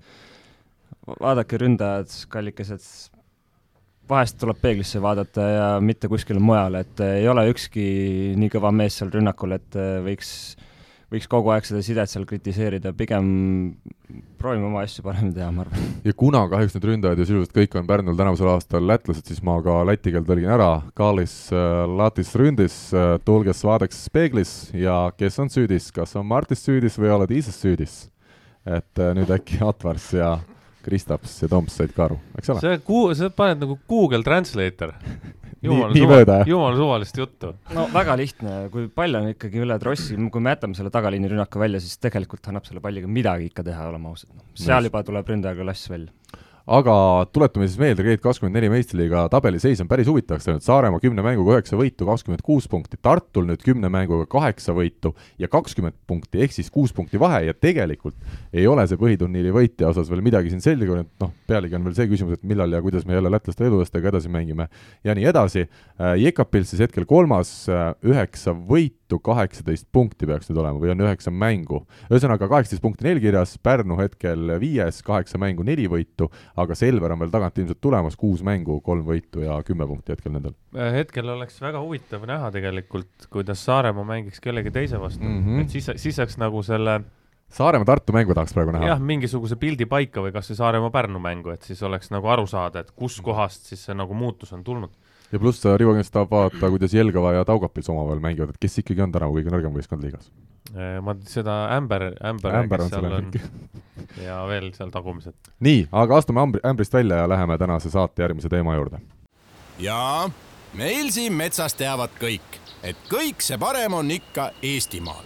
aga ega see tähenda, et vahepeal muud maailma ei tohiks käia avastamas. karumets hoiab metsas asjad korras, et meie võrkpallisaadikud võiksid rahus käia meid esindamas laias ilmas. Kahjuks peame me siis seda eestlased välismaal rubriiki alustama ühe kehva sõnumiga, Rene, sinu jutust tänase saate eel tuli välja, et Robert Täht on äh, saanud Poolas vigastada, räägi täpsemalt, millega tegu? jah, nii on, et äh, vaene mees, et viimasel ajal tal ikka ei ole vedanud, et elas selle Itaalia karmi koroona aja seal üle ja, ja siis, siis nagu tehnis ja lepingu Poola väga heas klubis, kus koroona möllaks samamoodi selles mõttes edasi, et et ja nüüd äh, iseenesest väljakul ja kõik oli hästi, noh, võistkonnal küll ütleme mitte väga hästi, aga ikkagi selles mõttes ta positsioon oli väga korralik klubis, et et ja nüüd siis jah, kõhulihase rebend kakskümmend viis senti ja, ja, ja tõenäoliselt see on niisugune kahe kuu teema, mille puhul nagu äh, elu on näidanud, et ei tasu ka varem, ütleme, punnima hakata, sest et äh, see, see vigastus on selline, mis, mis jah, võib võtta ka aasta, kui, kui sa teda korralikult välja ei ravi. kusjuures aga minu küsimus on see, et vaata, kui näiteks Alex Saaremaal läks siin näpp katki, siis ta sai teha ju jõusaali tegelikult väga korralikult, näiteks jalgu, kas kõhulihase vigastus on selline, et kuna ta haarab sul kogu keha, et sa sisuliselt ei saa midagi teha? põhimõtteliselt äh, sa ei saa suurt midagi teha, jah. kõhulihase rebend on äh, sama nagu, enam-vähem nagu sama, nagu sul on selg haige siis mitte midagi, sa ei saa isegi naerda, mis on kõige jaburam. see on nii, nii ajuvaba asi, et kui sul kõhulihase rebend tekib, on ju, üks kord elus mm, -hmm. siis sa saad aru reaalselt, kui palju sa kõhulihaseid kasutad. iga liigutuse pealt on valus. kuidas äh, Robiga sa oled suhelnud, aga kuidas ta ise selle vigastuse vastu võttis? Äh, kõigepealt ma ütlen, et midagi selles mõttes ta ikkagi teeb juba praegu igapäevast, mingisugune tagareite tugevdamine, mingisugune protsess seal ikkagi käib et päris niisama voodis ta ei lama, et ütleme, tegelikult ta ei, ütles, et ei ole nagu et ta sihuke kuidagi samm-sammult see asi nagu tekkis, et ütleme, trennis ta tegi tegelikult lõpuni kaasa, kuni selle check-in'i. et see ei ole nii, et plaks käib? seal ei olnud plaksu, et seal oli kerge selline valulikkus, aga, aga ütleme, rünnakul ta tundis jah, et võib-olla nagu maksi nagu välja ei, ei saa panna, aga üldiselt nagu trenni siis liigutusi sai teha, et et, et siis pandi talle igaks juhuks tšekk ja, ja, ja tuli välja, et ikkagi asi on jama, noh, ja, ja mis, mis klubi seisukohast on veel jamam, on see, et nüüd neil on kaks meest täpselt sama asjaga väljas, mõlemad nurgaründajad. nii et äh, Asseko Resove kindlasti läheb turule shoppama. liiga palju naeravad võib-olla siis või millest see kõhulihas nii kõva koormus on saanud, aga kas saab äh, hooaja sees on neid mängijaid, vaata Eesti meestekoondis mängis siin Venemaaga, tulemusest me ei räägi, korvpallist siis, ja Andrei Vorontsevitš, väga legendaarne Venemaa koondislane, kogenud, on siiamaani koduklubid, ta ootabki, millal mingi meeskond on nõus talle siis sellist palka pakkuma, millega siis tema on, on nõus ka nagu mängima, et kas, kas võrkpalliturul on siiamaani detsembri esimestel päevadel mehi, kes ei ole ühtegi mängu sügisel mänginud, lihtsalt on kuskil jõusaalis ennast vormis hoidnud? asi ei olegi pigem selles, kas keegi on kuskil ja teeb jõusaali ainult, pigem on talitatud niimoodi, et on mindud, on jäädud koju, ütleme. on fikseeritud äh, lepingusse mingisugune sümboolne nii-öelda väljaostusumma, mis äh, kindlasti ei saa määravaks, kui on vaja kuhugi minna, et äh, pigem, pigem jah, hästi paljud mehed, kõrge klassiga mehed, mängivad oma koduliigades ja, ja selles mõttes ühelt poolt jah, ütleme, hoiavad ennast vormis, teiselt poolt ilmselgelt klubi, klubi ka võidab selle, selle, seeläbi, jah selge, aga läheme edasi. räägime siis sellest, mis on sel nädalal algamas, tegelikult kui kolmapäeva hommikul see saade eetrisse läheb, on juba ka alanud meistrite liiga uus hooaeg. Martti Juhkami, Friedrichshafeni klubi nurgaründaja on siis ainus eestlane tänavusel hooajal, kes meil meistrite liigas kaasa mängib. seda rohkem on võimalik just tema tegutsemisele keskenduda, arvestades ka seda, et ta on Saksamaa liigas ja karikasarjas hooaega hästi alustanud olnud Friedrichshafeni vaieldamatu põhimees, siis peaks olema huvitav teda jälgida. esimene mäng siis äh, tegelikult juba teisipäeva ehk eile õhtul äh, Karlo Varskoga peeti, meie meie seda tulemust siis ei tea, kuna lindistame saadet päeval, aga loodame, et see mäng võideti, sest vastasel juhul ikkagi Friedrichshafenil alagrupis edasi pääseda on juba väga raske, sest meistrite liigas siis äh, see minu jaoks ikkagi suhteliselt jabur süsteem, et äh, viis alagruppi, igast alagrupist ainult äh, neljasest, neljased on siis kõik alagrupid, ainult võitja pääseb edasi ja kolm paremat teise koha omanikku, ehk siis kui sa juba esimeses mängus Karlo Varskole kaotad, siis on põhimõtteliselt sul hooaeg nagu meistrite liigas äh, läbi, aga aga mis te arvate nüüd, äh, Martiga tegin ise intervjuu, tema ütles, et Trentino on ikkagi number üks favoriit, äh, Novosibirsk, Venemaa meister, on number kaks favoriit ja Friedrichshafen on tegelikult asetuse järgi nii-öelda kolmas ja Karlo Varsko on siis see neljas. kas te lepite sellega ja olete nõus või, või mida arvate? ma arvan, et Andri pärast räägib sellest jaburdusest, mida tähendab kolm parimat teist kohta eelmise aasta näite põhjal aga rääkides jah, sellest äh, formaadist, ütleme, ma arvan, see on Freeschaffeni-suguse klubi jaoks katastroof. et äh,, et iseenesest, kui vaadata mängude graafikut, siis see on suht koht ideaalselt nende jaoks nagu välja mängitud, et esimene mäng selline eeldatav favoriidi nii-öelda staatus, kus ma eeldan, et nad ikkagi kindlasti võidavad teisena tuleb vastu Novosibirsk, kes võib-olla tõesti on kraad nagu nõrgem kui on Trentino ja siis nagu lõpu, lõpuks see kõige kõvem pähkel, kes mängib kodus Trentino, on ju. et selles mõttes graafik on neil hea, teisest küljest, nagu ma ütlesin, katastroof selles osas, et äh, Friedrichshafen ilmselgelt ikkagi on äh, oma koduliigas selline võistkond, kes mingil määral saab oma nii-öelda graafikuid ja vormi sättida Champions League'i graafiku alusel, et äh, kui vaadata, et sul on grupis Novosibirsk äh,, kes ilmselgelt võtab Venemaal igat mängu täie tõsidusega, sest teada, teatavasti on ju, Venemaal mängitakse ikkagi äh, Venemaa meister välja põhiturniiri alusel nagu jalgpallis. et seal on iga mäng kulla hinnaga, seal mänge ei valita. see on siis ainult tänavusel hooajal nii, ma lihtsalt ütlen vahele, see ei ole iga hooaeg nii mm,? okei okay. uh,. Okay. vist on ju? minu arust tegelikult on varem ka olnud, aga see selleks ei, mul tuleb eelmisest aastast meelde, kui Kemerovo seal võitis, siis nad lülitasid Belgorodi välja seal kas veerandfinaalis või midagi niisugust. mingid seeriateemad olid ikka jah? jah, et see on minu arust tänavuse aasta erand. Rivo teab paremini Rivo Borovski okay. Gorim Dože. nii Rivo oli vahepeal telefonis, ma lihtsalt ütlen räägime jätkuvalt võrkpallist. ja ma saan aru. kas Venemaal ikkagi üldiselt on, noh, me teame seda, et tegelikult üldiselt on play-off'i süsteem olnud, aga tänavu on nagu erandina tehtud see, et põhiturniiriga selgitatakse juba medalivõitjad äh,? Vot ma ei ole, ma ei ole sellega üldse kursis, et äh, täitsa võimalik, et on, nad juba eelmine aasta seal midagi rääkisid sellest, et, et need play-off mängud, eelmine aasta korra käis mingisugune jutt läbi, et, et umbes teha ainult, ainult Final Fouri, siis teha nagu siuksed neli esimest on ju, siis viis kuni kaheksa, mingite siukeste gruppidega mängida need kohad välja. aga, aga ei tea jah, ei ole, ei ole kursis ma ütlen vahele siis nii palju, et Trentino on Itaalia liigas eh, hetkel kolme võidu, viie kaotusega alles kaheksandal kohal ja viimane mäng siis Vivo Valentia vastu, mis kaotati null-kolm, oli sidemängija, Hollandi koondise rünnakuliider, meile hästi tuttav eh, Nimir Abdelaziz, kes oli varasemas karjääris eh, just sidemängija, aga kaks põhisidemängijat olid siis koroonas. nüüd Mart Juhkam ütles, et imeväel, meistrite liiga mängudeks on kõik need sidemängijad tagasi, et neil pidi klubis natuke Friedrichshafis olema see küsimus, et kas nad tegelikult ka tõesti nii said sellest kõigest äh, välja ja, ja on see nagu kõik õige, aga igatahes peaks siis täna Trentino olema ikkagi põhikoosseisus meistrite liigas väljas ja Novosibirsk, keda siis Plamen Konstantinov äh, juhendab, äh, on Venemaa liigas kogunud viis võitu, kolm kaotust ja alles seitsmendal kohal, nii et ei ole need vastased nagu koduliigas seda hooaega üleliia hästi alustanud, Karlo Varsko hetkel siis kuus võitu, üks kaotus Tšehhi liigas, aga noh, selle põhjal me ei saa mingeid meeletuid järeldusi vist teha. et igatahes tuleb huvitav, äh, huvitav see alagrupp, mulle tundub, jah? no ma ei tea, minu info põhjal Janelli jah, nakatus koroonaviirusesse, siis Trentinos põhisidemängija, kes mängis kakssada üheksakümmend viis mängu jutti koduklubi eest, et äh, päris, päris raju number, et, äh, et aga põhimõtteliselt aasta paned järjest, on noh? päris viis-kuus iga... aastat isegi, jah. palju? kakssada üheksakümmend? viis mängu. järjest? järjest.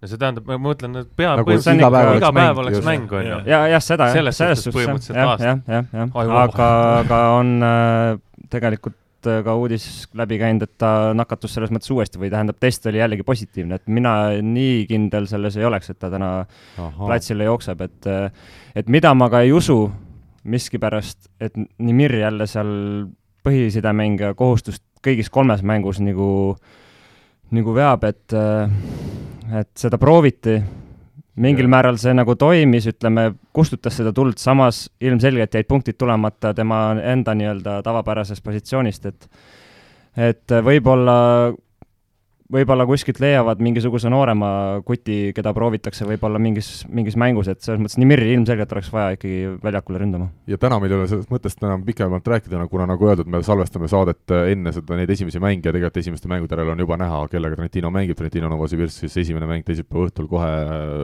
oli ära, võib nii täna juba öelda.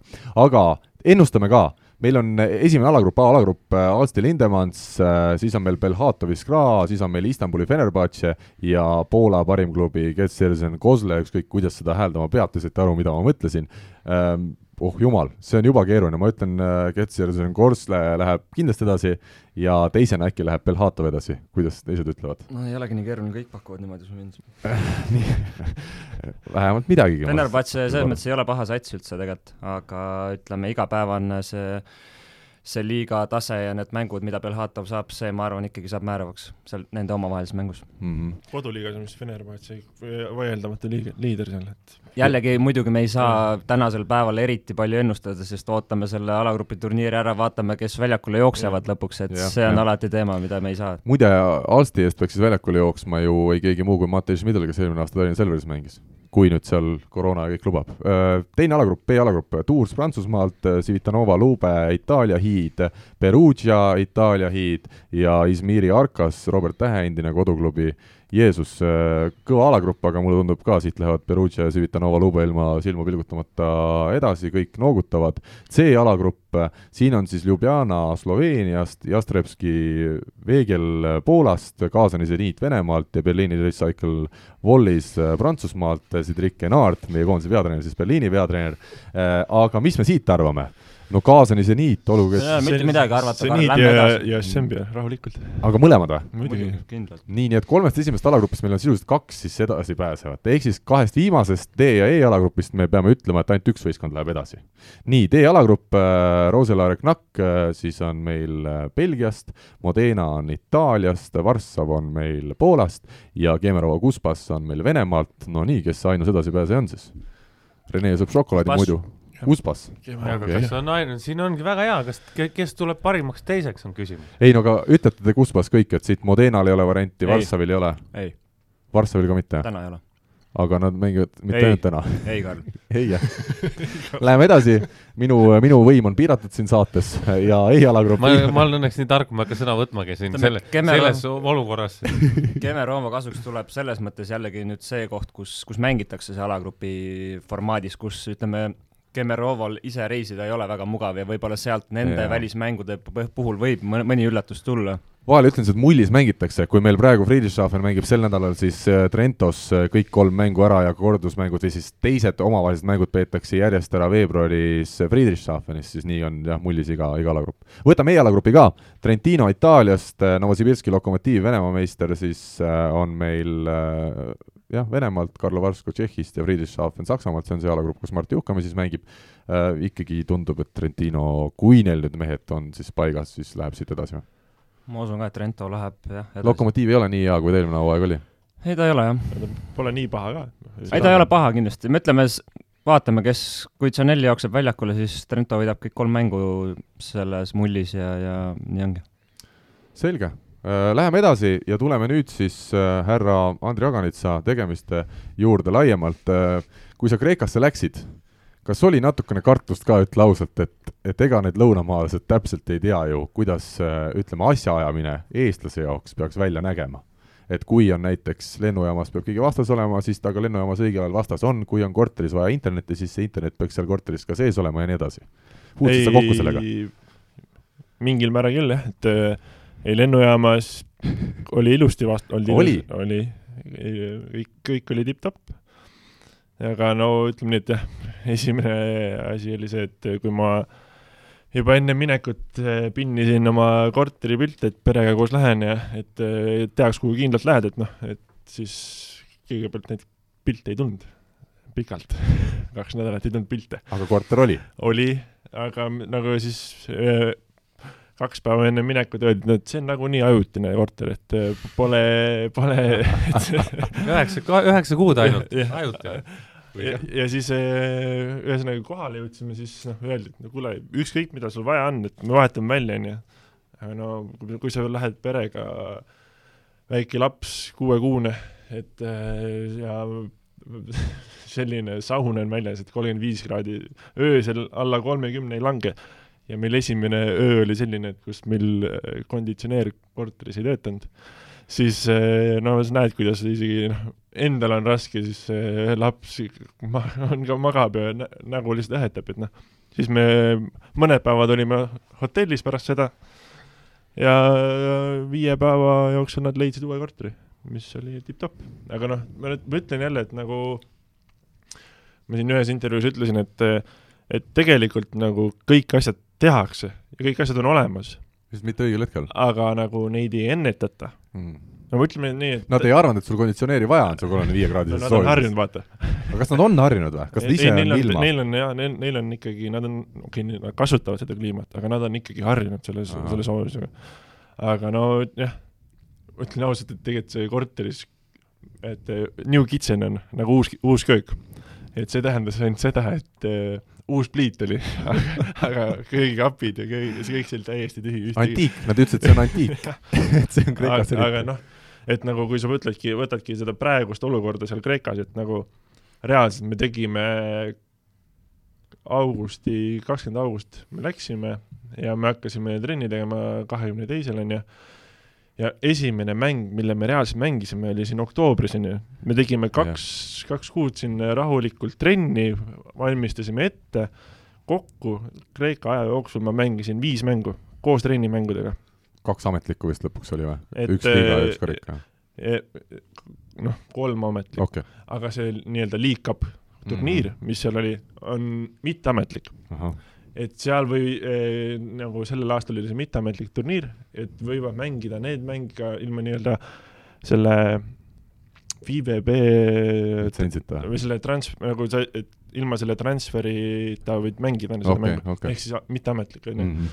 et nagu seal turniiril me nagu jõudsime Final Four'ini, me võitsime need vastased ära, on ju aga et nagu liigat me jõudsime ainult ühe mängu mängida, nagu et kaks treeningmängu, kaks Cupi ja üks ametlik hooajamäng, et noh, kui sa vaatad, noh, kui nad, ma ei tea, kui vaataks üldse, et kõik liigad tegelikult alustasid varem ja üritasid mänge mängida ette, et kunagi nagu kunagi ei tea, millal see tuleb, siis miks te ei mõelnud üldse? Nad nagu nii-öelda reageerivad nüüd olu-, olukorrale, et, et vaatame, mis saab ja ega nad ei tea.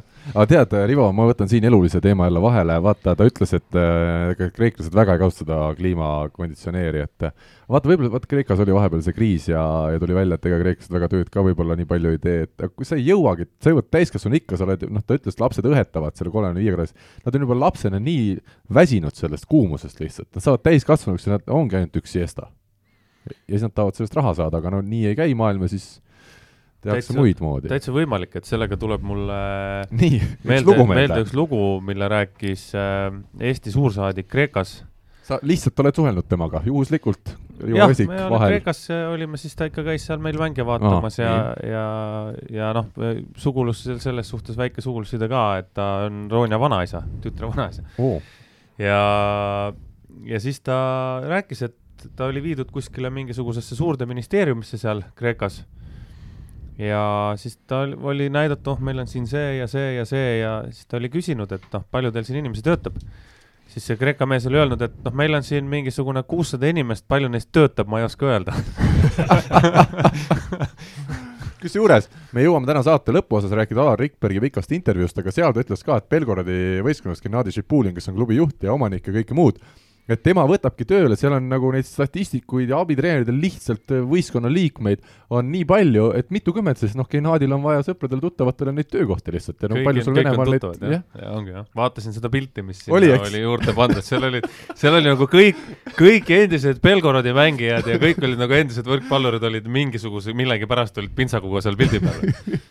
Ja nagu Kadar ütles, et ega seal nagu enamikel tööd anda ei olnud lihtsalt et ühtpidi ei olnud seda tööd, mida teha, teisalt ei olnud ka seda kvalifikatsiooni nendel inimestel, et, et isegi kui seda tööd oleks, et siis seda teha. ei no seda on ju näha nendest mingite, mingitest Belgorodi mängudest, kus nad istuvadki seal, kuus treenerit on pingi peal, sa hakkad mõtlema nagu, et noh, reaalselt sul reaalselt ei ole võrkpallitrennis nagu nii palju tegeleda, sul iga, iga kahe mängija jaoks on üks treener. aga mõtle, kui koroona jääbki ja ei saagi publikut, siis hakkavadki inimesed ostma omale kohta meeskonnas, nii nagu Belgorodis käibki võib-olla siis, et, et on hästi palju inimesi, hästi tehakse mitu rida neid varumeeste pinke, kus siis ongi abi, abi, abitreener ja kõik mingid suvalised vennad on seal lihtsalt istuvad ja vaatavad mängu koha pealt jah, see on üks variant, jah. ja aga vaata, sa saad isegi ise nüüd hakata nii-öelda abikommentaatori kohta välja müüma. jaa, ongi Rivo oleme amazing homseks kolmapäevaks või täna, mil saade eetrisse läheb. kujuta ette äh,, mäletad, me rääkisime sellest Euroliigast Pärnu, ma olekski oma võistkonnaga päris kaugele purjetanud. oleks, oleks, oleks, seal oleks iga võistkond muidugi praeguses seisus purjetanud kaugele.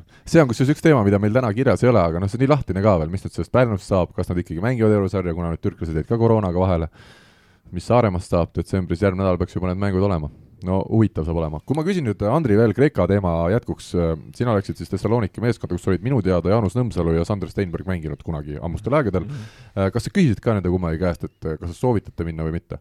ei küsinud, ma küsisin äh, nende käe-, noh, ütleme nii, et tahes-tahtmata, kui sa nagu, eriti veel nüüd, kui ma käisin seal kohapeal, on ju et äh, hästi palju muutub, et äh, kõik treenerid äh,, ka need nii-öelda presidendid, asepresidendid, kõik on äh, vahetunud, jah? jah, isegi kahe hooaja vahel vahetus nüüd viimased, et ma küsisin äh, vanade sõprade käest, kellega ma olen mänginud koos, et et üks nii-öelda Bram van den Dries, et teab Belgia diagonaal, et ta oli eelmine hooaeg, läks poole hooaja pealt sinna, aga nüüd tegi veel uueks hooajaks ka lepingut ja uurisin temalt ja vanalt võistkonnakaaslaselt Prantsusmaalt eh, Poitiersis aastal, et eh, Novitš ja Bielitsa mängis ka samamoodi eelmine aasta, et noh, küsisin nende kahe mehe, mehe reaalset arvamust ja siis läksin. Ütle, millised eh, nii-öelda võimalused sul tegelikult ka selle Kreeka variandi kõrval tänavu siis suvel või sügisel laual olid, millele sa ära ütlesid lõpuks, ma tean, Maaseik oli sul nii-öelda viimase hetkeni see klubi, kuhu sa oleksid pigem läinud, aga nemad otsustasid võtta seal ühe teise temporündaja, aga kas sul oli mingit huvi, oli kuskilt veel sedasi, mida saaks välja tuua? no Friedrichshafen tegi ka konkreetse pakkumise. ja ütlesid ei? sest et Martiga juba koondises olemisest piisab või? jah. Aga tegelikult, kas siis Friedrichshafen ei no Saksa, Saksa marga kurss on praegu üsna halb. see, see ei olnud peamine põhjus, aga jah, nagu noh, kui nüüd vaadates seda olukorda, mis, mis äh, käigu nad tegid, siis ma saan täitsa reaalselt aru, miks nad tegid mulle just sellise pakkumise. et noh, äh, kui nüüd on äh, võistkonnas Markus Pööme, et ilmselgelt oli see variant neil olemas, et noh, niisugune mõte, on ju. Ja nagu ennem seda nad võtsid veel ühe mm, kuubaka. et noh, ilmselt nad pakkusidki sama, sama diili nii-öelda kuubakale ja mulle, mina ütlesin ei sellele, et see pakkumine polnud vastav, ütleme nii, et, et äh, ja ega neil tempodega on suht kehva see hooaja algus olnud ka ju, sealt ei ole väga mingit abi tulnud meeskonnale. aga kusjuures väga korralikud mehed on kõik äh, nime poolest? jah ja., nagu see on nii-öelda, nüüd on neid neli seal mm, -hmm. et kõik need neli, neli meest on tegelikult täitsa okeil tasemel kõik, et äh, ei saa öelda, et nüüd äh, kaks tükki on kindlalt need, kes alustavad, aga nüüd, kui ilmselgelt on Markus Pööme tulnud sinna juurde, et see, tema ilmselt on praegu hetkel see number üks. aga kust tegelikult huvi tunti? Äh, kas sinul jõuab üldse info, kui ütleme näiteks Šveitsi äh, paar, seitsmes võistkond huvi tunneks? ei, seda huvi ei ole kuulnud veel jah, aga mul oli paar niisugust juttu Poola, Poola klubidega ka, aga tagumise otsa klubid, kuigi hetkel vist üks on päris eesotsas. kas, kas Eestist ka keegi tegi pakkumise? Äh, tegi, kaks klubi tegid. mina isegi võin eel-, eeldada, kes need võivad olla, need võib-olla lähevad karikamängus vastamisi kolmapäeval just ah, Needsamad kaks klubi jah, et oli variant ka e-, Eesti, aga lõpu, viimasel hetkel nii-öelda ikkagi otsustasin, et äh, lähen. kui täna teaks, mis sügis tõi Kreekamaal, siis oleksid pigem Eestisse jäänud, jah? väärt kogemus ikka. kogemusi on elus ka. aga ma ütlen, et reaalselt äh, tööd tehakse korralikult, intensiivsused, kõik on olemas, tingimused, kõik on olemas, et selle koha pealt pole midagi öelda. just, ainult kui mängida saaks, eks. Et... aga minu küsimus, see on meelevaldne küsimus natukene, kui täna läheks siis äh, sinu võistkond Thessaloniki Paok vastamisi Tallinna Selveri, kas see on selline kindel kolm-null või? Rene muigab, ma, ma meelega tõmbasin, ma meelega tõmbasin selle küsimuse üles, sae käima ma ütlen, et tee Rivo Sae häält ka natuke. ma ikkagi ütleks, et äh, kreeklased on favoriidid. aga et Selver, noh, kas see tasemevahe on nagu see on, see on täpselt selline, no võrkpallis sa saad selliseid küsimusi püstitada mm, -hmm. aga väga keeruline on vastata, sellepärast et äh, sellepärast ma olengi ajakirjanik, mitte see, kes peab vastama nendele küsimustele sest et noh, noh, ma, ma võin, ma arvan, et võistkond on tugevam mm -hmm. Kreekas. jah, ma arvan ka. aga kuna on tegemist võrkpalliga, siis pakkuda nii-öelda kindel kolm-null, siis mm -hmm. tead ise ka, et et võib, see võib väga vabalt olla kolm-kaks ja siis on juba see pakkumine kaotatud, nii et ma ikkagi ükskord ütlen ära selle Rahvaliiga sõna siin, et meil Rahvaliigas ei ole kunagi ka midagi teada. et äh, isegi kui arvad, et võidad kolm-null, võid ka äh, võid ka kolm-üks. aga see on nagu näha, see, see on ikka kõrgemal tasemel nii, et neid, neid üllatusi tuleb ette. ja, ja kusjuures ma sain äh, kuskil Võrkpalli kahekümne nelja seal Facebooki postide all keegi pani kommentaari, et äh, ta oli telemängu vaadanud, et kõik muidu tore, aga et äh, miks see Rinaldo seda rahvaliigat kogu aeg maha teeb ja siin on minul võimalus Eesti rahvale siiras vabandus esitada, et vabandan kõigi nende ees, kes arvavad, et Eesti Rahvaliiga on väga tõsine, tõsine spordiliiga, kus loeb ainult tulemus ja kus tehakse asja suure tõsidusega. mina ütleks siin ühe asja veel et selle Andrei ütluse peale, mis võiks minna nagu selliseks ilusaks rahvaliiga sloganiks, et pall on ümmargune nii kõrgliigas kui ka rahvaliigas nii et ühesugused asjad mm. -hmm. aga lõpuks üks asi veel, mis ma ütlen selle öö, äh, otsuse taga veel, et öö, äh, miks ma otsustasin minna, on see ka, et öö, äh, kuna sa, kui sa kuna, ütleme, ma tulin nüüd koju, on ju, ülitore, üli, üli, üli, kõik on nagu väga oma kodu ikka, oma kodu. no ja Rene elab lähedal ka sul. jah, aga et eh, siis ikkagi see, kui sa oled eh, nii-öelda välismängija rollis te teises riigis, see on natukene teine vastutus ja selline paneb rohkem pingutama ikka, ütleme otse välja no,. kindlasti on nagu, kui sa juba kuulsid, eh, kuidas me läksime sinna esimesed päevad, see on täiesti mugavustsoonis väljas olek mm, -hmm. et, et noh, kindlasti äh, oleks tükk maad rahulikum kodus, aga kui ma vaat-, mõtlengi reaalselt, et mis üldse tulevikus saab, siis ma hetkel ikkagi olen seda meelt, et et eh, tule järgmisele hooajale vastu minnes on parem eh, teha otsu-, valikuid eh, selle Kreeka platvormi mm. pealt kui Eesti liiga pealt, aga eks see kõik selgub, et jube kahju on hetkel see, et kui vaadata neid võistkonna koosseise, mis üldse see aasta Kreekasse kokku sai, et me praktiliselt ei ole mitte midagi jõudnud mängida mm, -hmm. et äh, see on nagu see miinuspool, et äh, aga eks näis, mis saab. kaks ma kiiret küsimust, jaa. natuke vaidleks vastu. Äh, mitte küll otseselt vastu, aga, aga arvamus, et Kreekast on täna lihtsam minna kui Eestist, ma arvan, et tänasel päeval reaalselt, arvestades kõike kokku, ei ole suurt vahet.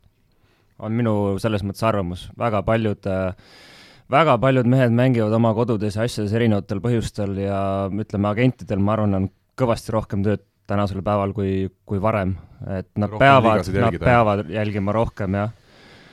ja teiseks, sa oled nii palju ikkagi käinud äh, igal pool ringi tuiend, jännanud äh,, sa oled teada-tuntud mees Euroopas, et äh, ma arvan, et seal on ikkagi, see õnnefaktor nagu ikka käib asjaga kaasas, on see põhiline ikkagi nii, väga hea ah.. ega Renega ei saagi teistmoodi saame edasi minna. meil on iga saade samamoodi. mina midagi ütlen, Rene vaidleb vastu, ma ütlen okei okay,, jah, ma olen ka täpselt sama meelt ikkagi tegelikult aga kaks kiiret küsimust sulle selle teema lõppu veel. paar hooaega tagasi sul oli tõsine õlavegastus, kas täna see sind, see su löögiõlga veel annab see tunda kuidagi, on see mõjutanud su mängu või sa täna oled juba täiesti terve mees? ei, no mis ma ütlesingi, miks on jube oluline, et nagu jätkata, et äh, kui sinna teed kaks kuud trenni, kuu pausi, kaks kuud mm -hmm. trenni paus, et noh, et selline kindlasti noh, ma tunnen enda ala pealt seda, et noh, ma võin teha neid harjutusi, lindiharjutusi, igasuguseid harjutusi jõusaalis ka, aga see hetk, kui sa reaalselt lööd palli, ja see on hoopis teine sellele õlale, et kui, kui see, mis need, need noh, harjutuste põhjal sa tunnedki, et on hästi, aga tegelikult on äh, palli löömine ja see reaktsioon, mis õlas tekib, on hoopis teine selge, kas kodus seda ka kuidagi võimalik imiteerida on või? et löödki suvanedest naabritest, lööd vastu seina palli ja saad seda tunnetust või? no pigem ei ole see pigem tunne... ei, Karl. pigem ei ole tunnetuse küsimus, vaid pigem on selle löögi nagu selle in, noh, impulss, ma ei tea, mis okay, see, mis see okay. sõna on, aga mm -hmm. aga noh, et see on nagu teine võrreldes nende teiste harjutustega, et kindlasti on ikkagi tä-, vajab tähelepanu see ilmselt mm. nüüd äh, karjääri lõpuni, et äh, et jah, nii ta on. ja lõpetuseks veel sinu siis personaalteema osas, sa oled nüüd meil ikkagi isa, nagu siin välja tuli ka jutust juba. kas see ikkagi isana mängida võrkpalli, teha oma tööd, kas see on väga palju mõjutanud sind, kas sa äh, ma ei tea, kas see laps annab sul lihtsamalt rahu pärast kaotatud mänge või näiteks neid hetki, kus siis meistrite liigas ainult kaheksa võistkonda pääsevadki edasi ja ja sinu võistkond on väga napilt siis jäänud kaheksa parema hulgast ikkagi välja lõpuks? ei, eks kindlasti on, on teistmoodi äh, elu, aga pigem on asjad ikkagi, see on normaalne elukäik ja mitte midagi tegemata pole küll jäänud, sellepärast ja pigem on ma ei oska midagi öelda selle, noh. Eesti mees, selline noh. ei, pigem on hästi, pigem on mõnus. selge. naudin. ja meil on ka siiani täna mõnus olnud, Rivo, oled veel, oled veel lainel? ei, Karl ja läheme siis tänase saate viimase osa juurde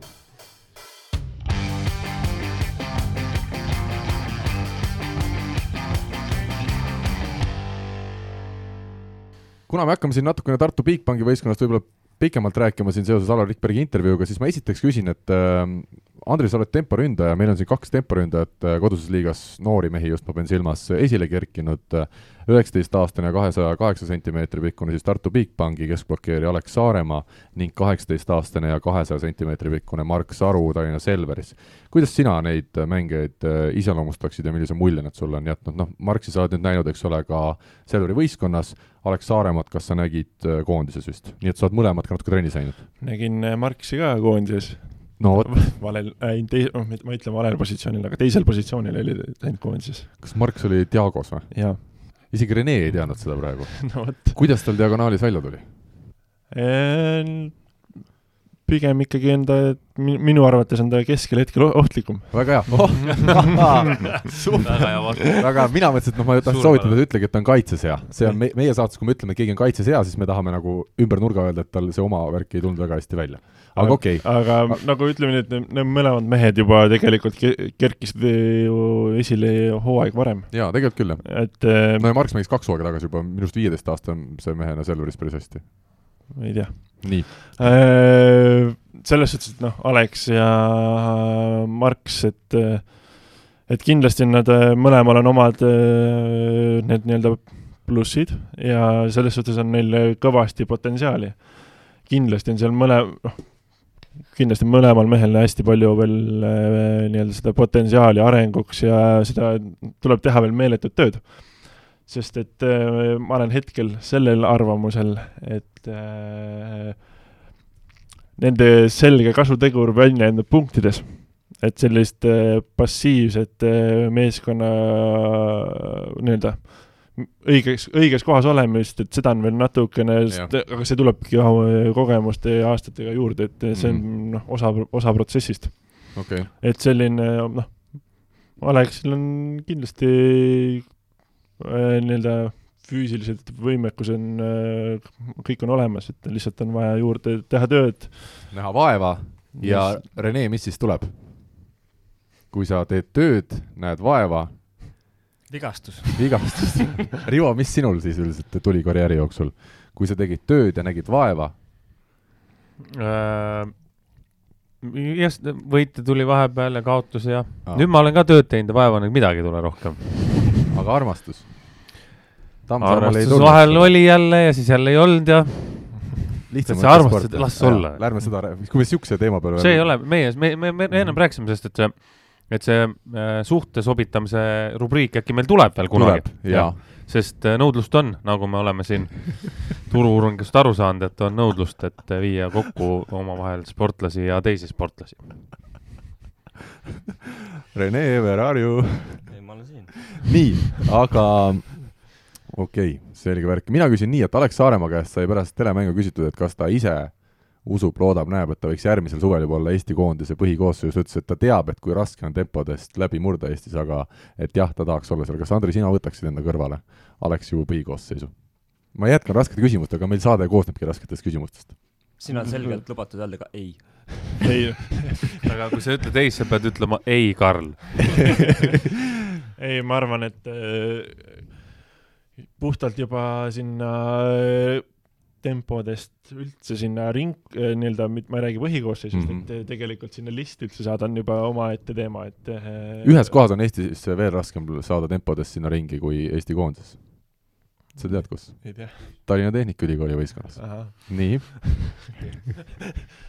seal on täis konkreetselt, nimekiri on täis.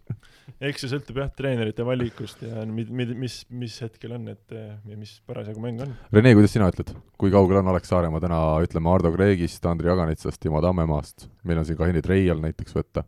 Mart Naaber. väga kaugel. Mart Naaber. väga kaugel, ma julgen väita, et äh, ma räägin ka sama juttu nagu Andri, et potentsiaali on kõvasti ja ilmselgelt ongi, aga võtame nüüd rahulikult, et äh, üks asi on siin äh, olla Tartus tegija ja, ja, ja Eesti liigas palle maha lüüa, me räägime ikkagi meestest, kes igapäevaselt mängivad, on läbi tule ja vee käinud Prantsusmaad ja nii edasi, et ja, ja rahvusvahelised kogemused ja kõik see, et selles mõttes kindlasti ma arvan, et ülisuur nii-öelda võit tema jaoks personaalses plaanis olekski see, kui ta ütleme, sinna suurde ringi saaks ja sinna püsima jääks. see oleks siis vist kas viie mängija hulka ma... umbes või?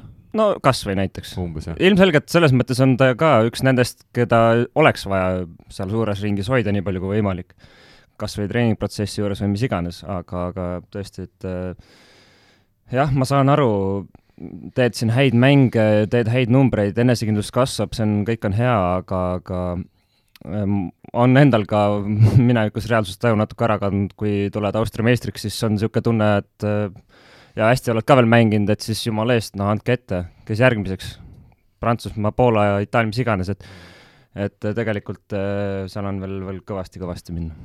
isegi noh, ongi see, et seal ongi valikute küsimus, et tegelikult kui sul on veel varblane, kes on samamoodi potentsiaalikas, kellel on kõik nagu no, kuju on väga hea, vaata mm. -hmm. et selliseid mehi on tegelikult Eestis päris palju. kuule, aga mul üks küsimus, Rivo, ma küsin sult ka sedasama, sa oled ka temporindana tegutsenud, küll nüüd mitte noh, ütleme seal esiliiga ja meistriga vahel. aa, no sa mõtlesid sedapidi, okei okay.. et äh, kas täna ma väidan õigesti, kui ma ütlen, et meil on Andri Aganitsa näol äh, väga kõva plokimees koondises olemas aga et see teine temporündaja, et meil on teised kõik, on pigem niisugused ründava suunitlusega tempomehed.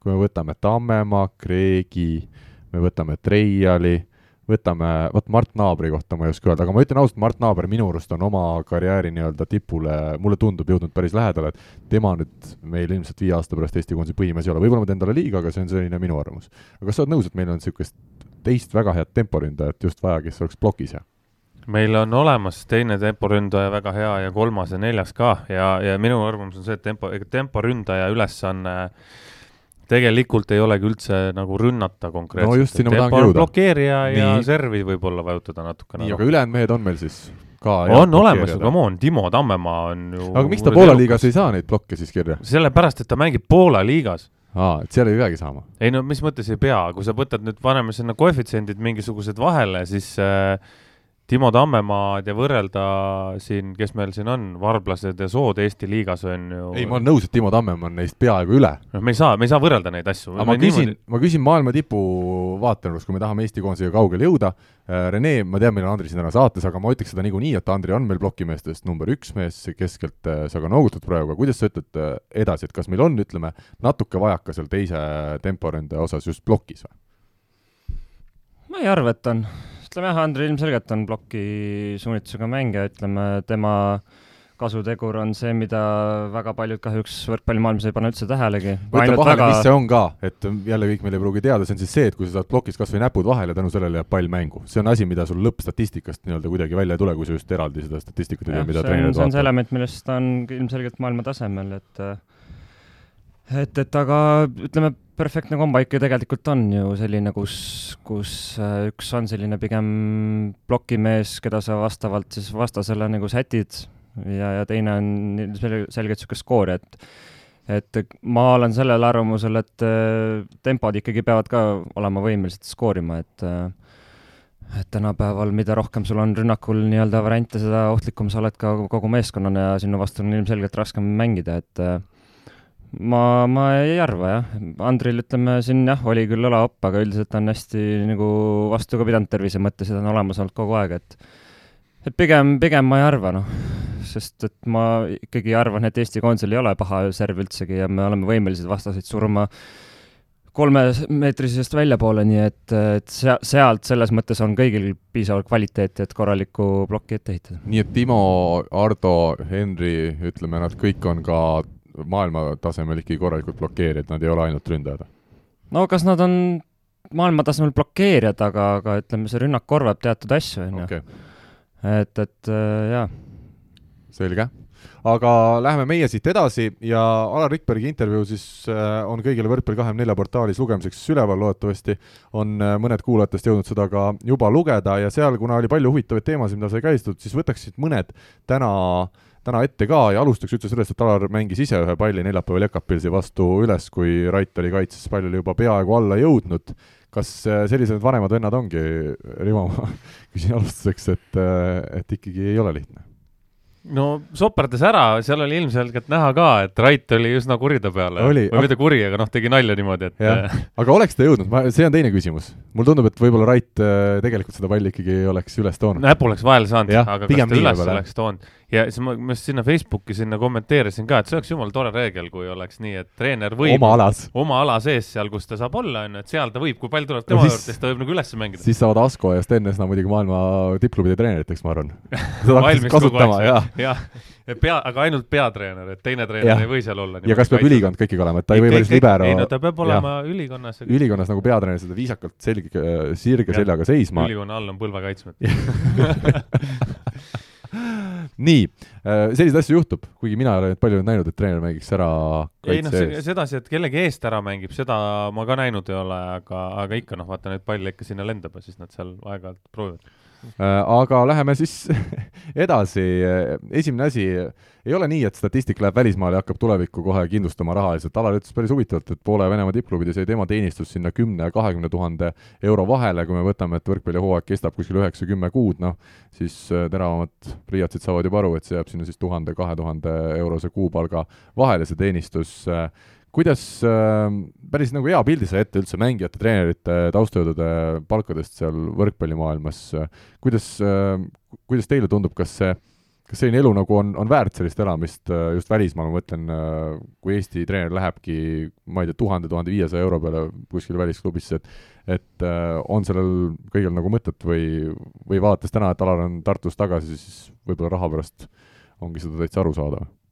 No Alari puhul on raske selles, ütleme, ta on teistsugune näide, et äh, ilmselgelt äh, tal ei juhtu sellest midagi, kui, kui ta ei tee seda statistiku või treeneri tööd, ilmselgelt ta on ju väga haritud ja ja ta leiab nipsust endale tööd mis tahes valdkonnas, et äh, ilmselgelt tal oli enda huvi huvi seda teha ja, ja seda nii-öelda võrkpallialast täiendust endale nii-öelda kaasa haarata, et see on põhimõtteliselt natukene nagu mängija seisukohast samasugune teema, et oleneb, mis su nagu ambitsioon või huvi on, ega ega ju mängijad samamoodi, väga paljud lähevad esimese hooga ikkagi jalga ukse vahele saama, et et on olnud teatud mängijad, kes on ootama jäänud mingisuguseid pudrumägesid, mida mitte kunagi ei, ei, ei olegi tulnud, et et jaa, ütleme, see statistiku palk üldjuhul on äh, vähemalt Poolas jah, seal ütleme viisteist kuni seitseteist tuhat, kui veel täpsem olla, niisugune suhteliselt fikseeritud kõigil üsna, üsna sama, et seal nagu mingisugust vangerdamisruumi ei ole.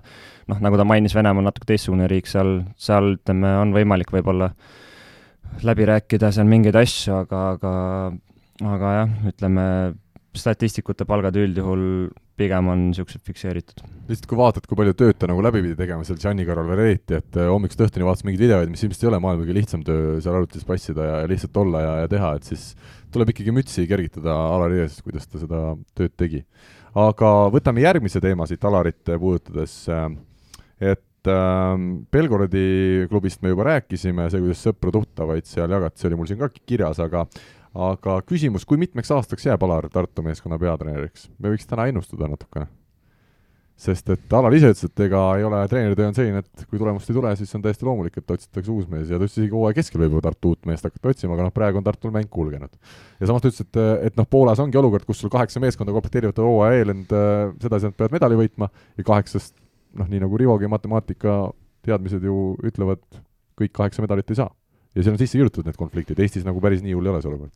Jah, eks ta, eks ta oleneb äh, tulemustest ikkagi kõik päeva lõpuks, et kui sa enam-vähem teed oma selle ära, mis äh,, mis nagu klubi juhtkond nõuab, siis äh,, siis üldiselt Eestis neid nii, nii kergekäeliselt ei vahetata treenereid välismaal on muidugi teine teema, eriti kui sa oled välistreener, et kui sa oled välistreener, siis sinu käest konkreetselt nõutaksegi asja ja, ja kui sa seda ei paku, siis võetakse lihtsalt uus mees mm. -hmm. see on väga lihtne, on ju, seal on juba teine teema on see ka, et, äh, et noh, kui sa kodus hakkad treenerit vahetama iga mingi poole aasta tagant, siis keegi ei tule sulle enam lihtsalt. Eriti klubi juurde, keegi ei taha tulla, no miks ma peaks minema mingisse klubisse, kus Aga... on kolm eelmist treenerit poole aasta tagant tead, mis on huvitav, ma mõtlen, vaata Poolas me räägimegi võrkpallist, vahetatakse palju treenereid, tippklubides, maailma täielikud tippklubid. me võtame kõrvale minu lemmik jalgpalliklubi Liverpooli, kus Jürgen Klopp tuli umbes viis aastat tagasi meeskonda, ta ütleski esimesel pressikonverentsil, ärge oodake minult paaril esimesel hooajal supertulemust, ta hakkas võistkonda ehitama, võttis sinna mängijaid oma siis nägemuse järgi ja tänaseks ongi nad maailma parim klubi. kui oleks see klubi poole hooaja pealt, hooaja pealt või isegi kahe hooaja pealt teinud mingeid järeldusi, nad oleks ammu Kloppi lahti lasknud ja täna Liverpool ei oleks jätkuvalt selline, nagu ta oli siin aastakümneid tagasi.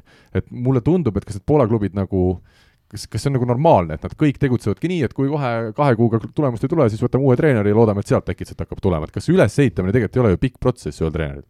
no alustame esiteks sellest, et Alar Rikberg ei saa kindlasti kinga enne järgmise hooaja lõppu.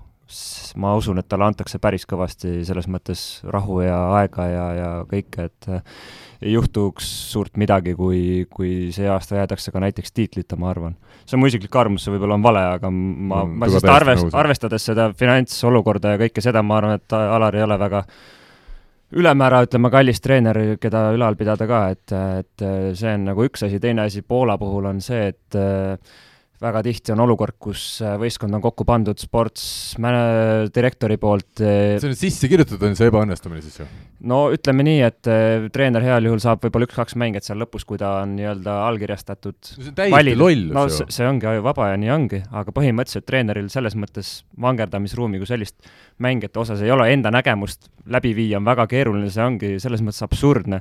sa pead selle materjaliga midagi tõestama, midagi tegema, et see hooaeg saaks läbi ja siis sa saaksid üle vaadata neid asju, aga ka siis on mingisugune olukord tihtipeale, kus meestel on kaheaastased lepingud ja sa, ja ka siis sul nagu ei ole seda vangerdamisruumi nagu nii palju, et me, see on karm. me ju teame täpselt seda olukorda, et eh, meile sellel aastal on väga nii-öelda, nii-öelda hu-, hu, huvipakkuvas klubis on äh, Resovia, et seal ju olidki ju ne, nemad ennem Alar ja jah. ja nende üks nii-öelda äh, punkt oli see, et nad tahtsid ise võistkonda teha, et lõpuks see ju ei sobinud neile klubile, et ja noh, lõpuks uue treeneri jaoks tehtigi ju võistkond enne valmis, et mm -hmm. ma ei tea, kas ta mõne mängija sai valida või ei saanud. no Ka... miks ongi Gianni puhul üldse nii keeruline, ütleme, see klubide teema olnud, ta, ta selles mõttes, ta nõuab, mingis mõttes ta nõuab natuke võib-olla liiga palju, aga mingis mõttes ma saan tast väga hästi aru, et mm, -hmm. et ta ei hüppa igasse nii-öelda paati, olgu see klubi nii tugev kui tahes, ta tahab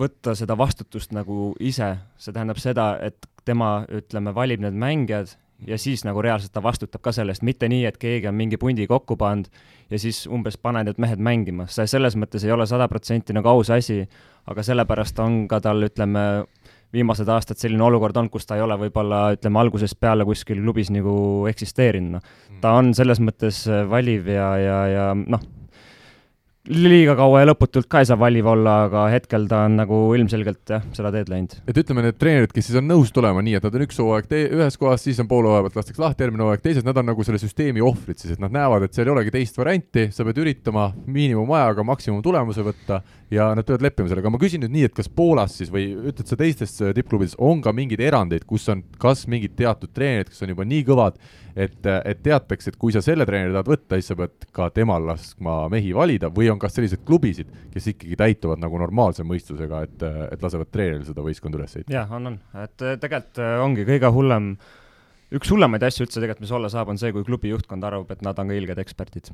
see on nagu, elu on näidanud seda. kas need klubijuhid on endised mängijad, on need mingid suvalised rahaandjad, kes neid otsuseid teevad? nii üht kui teist ja kõige suurem pettumus tihtipeale ongi see, et endised mängijad, kes mängijana on olnud väga head, panevad täiega ämbrisse kas siis sportsdirektori või treeneri ametis, see on nagu mm -hmm igal spordialal nii, ma usun, neid pettumusi või neid näiteid on nagu selles mõttes iga, igalt poolt äh, kindlasti tuua, jah. aga ütle siis mõni klubi, kes ütleme, tõesti saab rahulikult sa teada, et nemad komplekteerivad ikkagi võistkonda sedasi normaalselt, treener valib mehed ja, ja on see nagu selline inimlik käitumine? Trentino näiteks, tänasel päeval on selline klubi. ta ei olnud varasemalt kindlasti selline, aga ilmselgelt seal äh, Lorenzetil on sõnaõigust ja ta on selles protsessis sees. see on nagu sada protsenti kindel näide.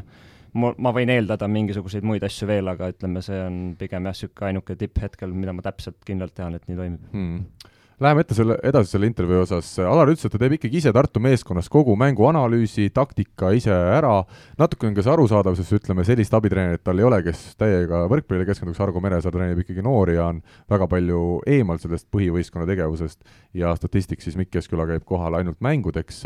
Ja aga samas Alar ütles, et tegelikult nii peaks olema ka suurtes klubides ja ongi olnud, et kus tema on Gianniga olnud, et ei ole nii, et Gianni tuleb kellegi käest kõrvalt küsima, et kuule, räägi, kus see vastasmängija ründab või, või mis ta teeb, et peatreener peatreener peab ikkagi kogu seda infot omama ja tal peab see olema nagu peas, et olete te oma karjäärist kogenud äh, samasugust asja?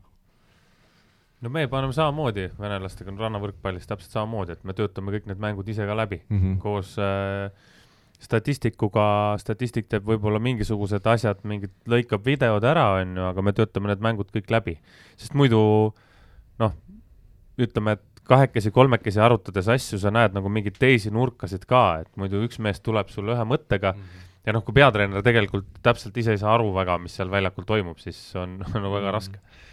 mulle väga meeldis, kuidas äh, Poolas Belhatovis asjad käisid, et äh, et äh, mängu, ütleme, ettevalmistus algas nagu sellest, et nii peatreener kui ka abitreener, kes oli Mihhail Vinjarski, tänaseks ta on juba vaikselt hakkab legendi staatusesse ka treeneriametis jõudma, väga kõva tööd on teinud Gdanskis siin väikeste vahenditega, et et äh, nii peatreener kui abitreener tegid personaalselt skautingu vastase kohta.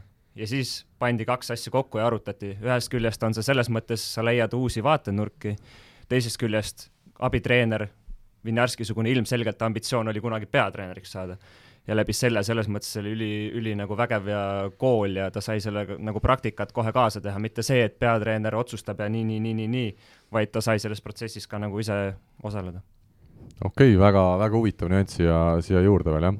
aga üks äh, selline kõige rohkem võib-olla kõneainet tekitanud teema on ikkagi see, et, et Alar Rikberg Alari Saart Eesti koondises äh, ei näe hetkeseisuga ta ütleb, et tehniline tase pole piisav, minu arust see on asi, mida lihtsalt võiks arutada siin korra, et mina ei ole kindlasti inimene, kes suudab määrata, kas libero on tehniliselt piisaval heal tasemel, et Eesti koondisse täna pääseda natuke tausta siis ka, täna kõik Eesti äh, liberod mängivad kodumaal, ehk siis ühtegi sellist välismaal mängivat äh, meest meil ei ole, kes saaks neid väga võimsaid serve igapäevaselt, nii et me valime neid mängijaid ikkagi üsna sarnasest keskkonnast, kui me vaatame Saaremaa meeskonda, Johan Vahter, Alari Saarsel, kaks liberot siis kordamööda mängudes mängivad, kasutatakse ühte ühes olukorras, teist teist, aga nad on nii-öelda mõlemad kogu aeg põhikoosseisus sees, kuidas nüüd teile tundub, kas Alari Saare tehniline tase oleks koondise jaoks piisav või ei olegi? no kui me räägime siin tehnikast, siis kust otsast on Silver Maari tehnika piisav koondise tasemel mängimiseks? samasugune küsimus Aga.... et mulle, noh, ma ei, ma ei nõustu sellega osas Alariga, et minu arust Saar tänaseks päevaks vääriks vähemalt kandidaadiks olemise proovimist Aha. ühel suvel okay.. sest see on minu arvamus. kui ma näen teda siin lähedalt ja mis kvaliteediomadused tal on, miinimum ma olen veendunud, et ta oleks kaitses jõhker lõvina, sest tal on iseloomu, tal on mune ja tal on kiirust. ja, ja ma usun, et äh, hea coaching'u all, mitte et ta seda praegust ei saaks, ma usun, et ta saab ja ma usun, et ongi tänu sellele võib-olla pilt üldse tõusnudki. ma arvan, et ta vääriks äh, oma võimalust, ma ei näe küll teda igapäevaselt, aga ma näen, et tal on kvaliteediomadusi, mida kindlasti me ei saa kuidagi, ma ei tea, eirata või, või ütleme, mingisugune vimm või mingisugune äh, mittemeeldimine kuskilt minevikust ei, ei saa tänasel päeval, ütleme, kaasa rääkida sellele, et, et äh, me, me oleme liiga väike rahvus. Äh, kuidas, Rivo, sulle tundub?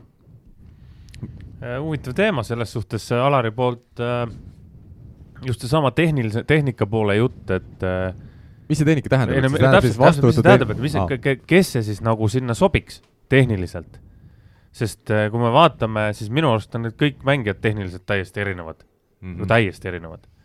ja kas ja kokkuvõttes päeva... me ei pane tehnikaõpikut kokku siin? Äh, jah, päeva lõpuks, kas peab lugema siis nagu supertehnika või see, kui hästi ta võtab selle palli vastu, on ju, et kui ta suudab stabiilselt näidata vastuvõttu, ma ei tea, seal kaheksakümmend protsenti ja tehes seda kõhuga, siis jumala eest, võtku kõhuga, on ju. Mhm. Äh, noh, ma, ma, ma, ma päris, päris täpselt ei saa praegu sellest Alari tehnika nagu mõttest aru, et mis see siis peab nagu olema. Aga teine va... variant, kas see on see võimalus, et Saaremaal äh, liberod nii-öelda katavadki üksteise miinuseid ära et Johanit kasutatakse mingites olukordades ja Alarit teises, et tänu sellele nad mõlemad ka jätavad paremas, parema mulje, mul selline idee tekkis praegu siin seda mõttekäiku kuulates. no täitsa võimalik jah, et äh, laseks ühe täismängu mängida või, või mõned mängud mängida, et eks siis ole näha, Alar võib-olla näeb selliseid asju, mida näiteks mina nagu kõrvalt ei näe, ma ei jälgi ka nii palju seda mm, -hmm. neid nüansse, on ju.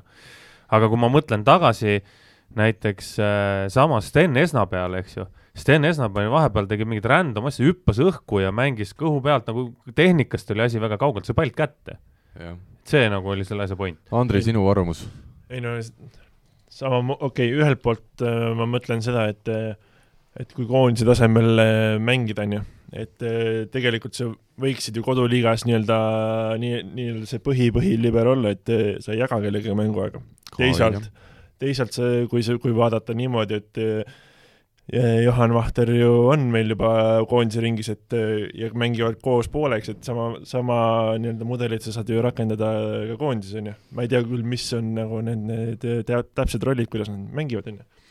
aga selge on see, et et kui oota, ma ütlen vahele, minu arust on see, et Alari võtab tugevat hüppelt pallingut ja Johan võtab vist näppudega planeerivat, jah, jah ja aga kaitses äh, on jaa, aga ma ütlengi, et tänasel päeval, sorry, aga meil ei olegi tipptasemel liberat olemas, võib-olla meil ongi vaja kahte meest, kes täiendaksid üksteist. ühte sellist ei ole jah, et võtta nüüd, et vot see nüüd on see mees, on ju, kes paneb mm -hmm. ja, ja siis sinna kõrvale noh, ei olegi kedagi vaja, et kui, kui midagi juhtub, et siis võtame kellegi teise. noh, see ongi täpselt see valdkond tegelikult, mis iga nii-öelda need, kõik need, kes ringis on ja need, et kui nad, nad noh, tegelikult on äh, ei ole vaja palju, et nagu sellest äh, massist nii-öelda eraldada, et äh, kas või nagu kogu see mängu tagaliini organiseerimine, mängu, ma ei tea mm, -hmm. kõik see, need, need, olukorrad on hästi sellised äh, lihtsasti noh, ära räägitavad, et noh, ja see annab juba tegelikult selle sellise eelise oma konkurendis, et noh, ka seda poolt oleks hästi palju arendada kusjuures ma ütlesin selle kohta, et viimases, viimastes mängudes Deniss Losnikov mängis nad kõik üle toorelt, ilma mingi küsimuseta, onju. et see, veel, veel sellised mehed on ka juures kusjuures jaa, need viimased mängud on natuke nagu näidanud, kui mina ikka omal ajal vaatasin, et huvitav, et noh, mees, keda me olime nurgas harjunud mängimas nägema Losnikovi näol siis siin koduliigas, et Gianni teda nii nagu kindlalt võttis ikkagi koondisesse liberona ja nüüd need kaks viimast mängu on nagu näidanud väga hästi, miks ta Giannil seal koondises äh, sees oli, et igati, igati põhjendatult. aga aga see Alari teema on jah huvitav, ütleme siis meie oma saate poolt ütleme, et Alari, ära viska püssi põõsasse, kes teab, neid koondise kutseid viskab otsad nurka parem. kusjuures viskabki vist. ega ta pole ammu meistriliigas mänginud, ta mängis minu arust suve esimesel poolel viimati meistriliigas. Mhm. okei aga, aga see libero teema on igal juhul, igal juhul huvitav jah, et, et kuidas see siis lõpuks välja tuleb. teine asi, mida, mida nagu siin võib ka arutada, on see, et ega Alari Saar ja Kevin Saar, mõlemat väga hästi me kõik tunneme, on ka sellised ikkagi äh, emotsionaalsed inimesed, mängumehed, kellel on iga teema kohta midagi öelda, et kas selle peale hoopis see küsimus, et kui meil koondises on niigi juba ütleme, Teppanid, äh, Tähed, äh, Toobalid, ütleme, Rait Rikberg oli aastaid, et võib-olla ka treenerid vaatavad seda, et ei oleks liiga palju niisuguseid liiga emotsionaalseid mehi. kas, kas minu idee sellest võib olla ka olla nagu põhjendatud või? ei. Ei no kui, kui Rait on läinud, siis on ju pool emotsionaalsust on juba läinud. et siis oleks nagu juurde vaja just siis oleks just juurde vaja timmida kuskil. ma võin südamerahus garanteerida, et äh, ei emb-kumb äh, saarte vendadest ei oleks kindlasti kuidagi probleemne koondises. et koondises tehakse asja ikkagi kõik ühise mütsi all ja? absoluutselt, ma, ma olen sada protsenti veendunud, et seal ei tekiks mingit probleemi.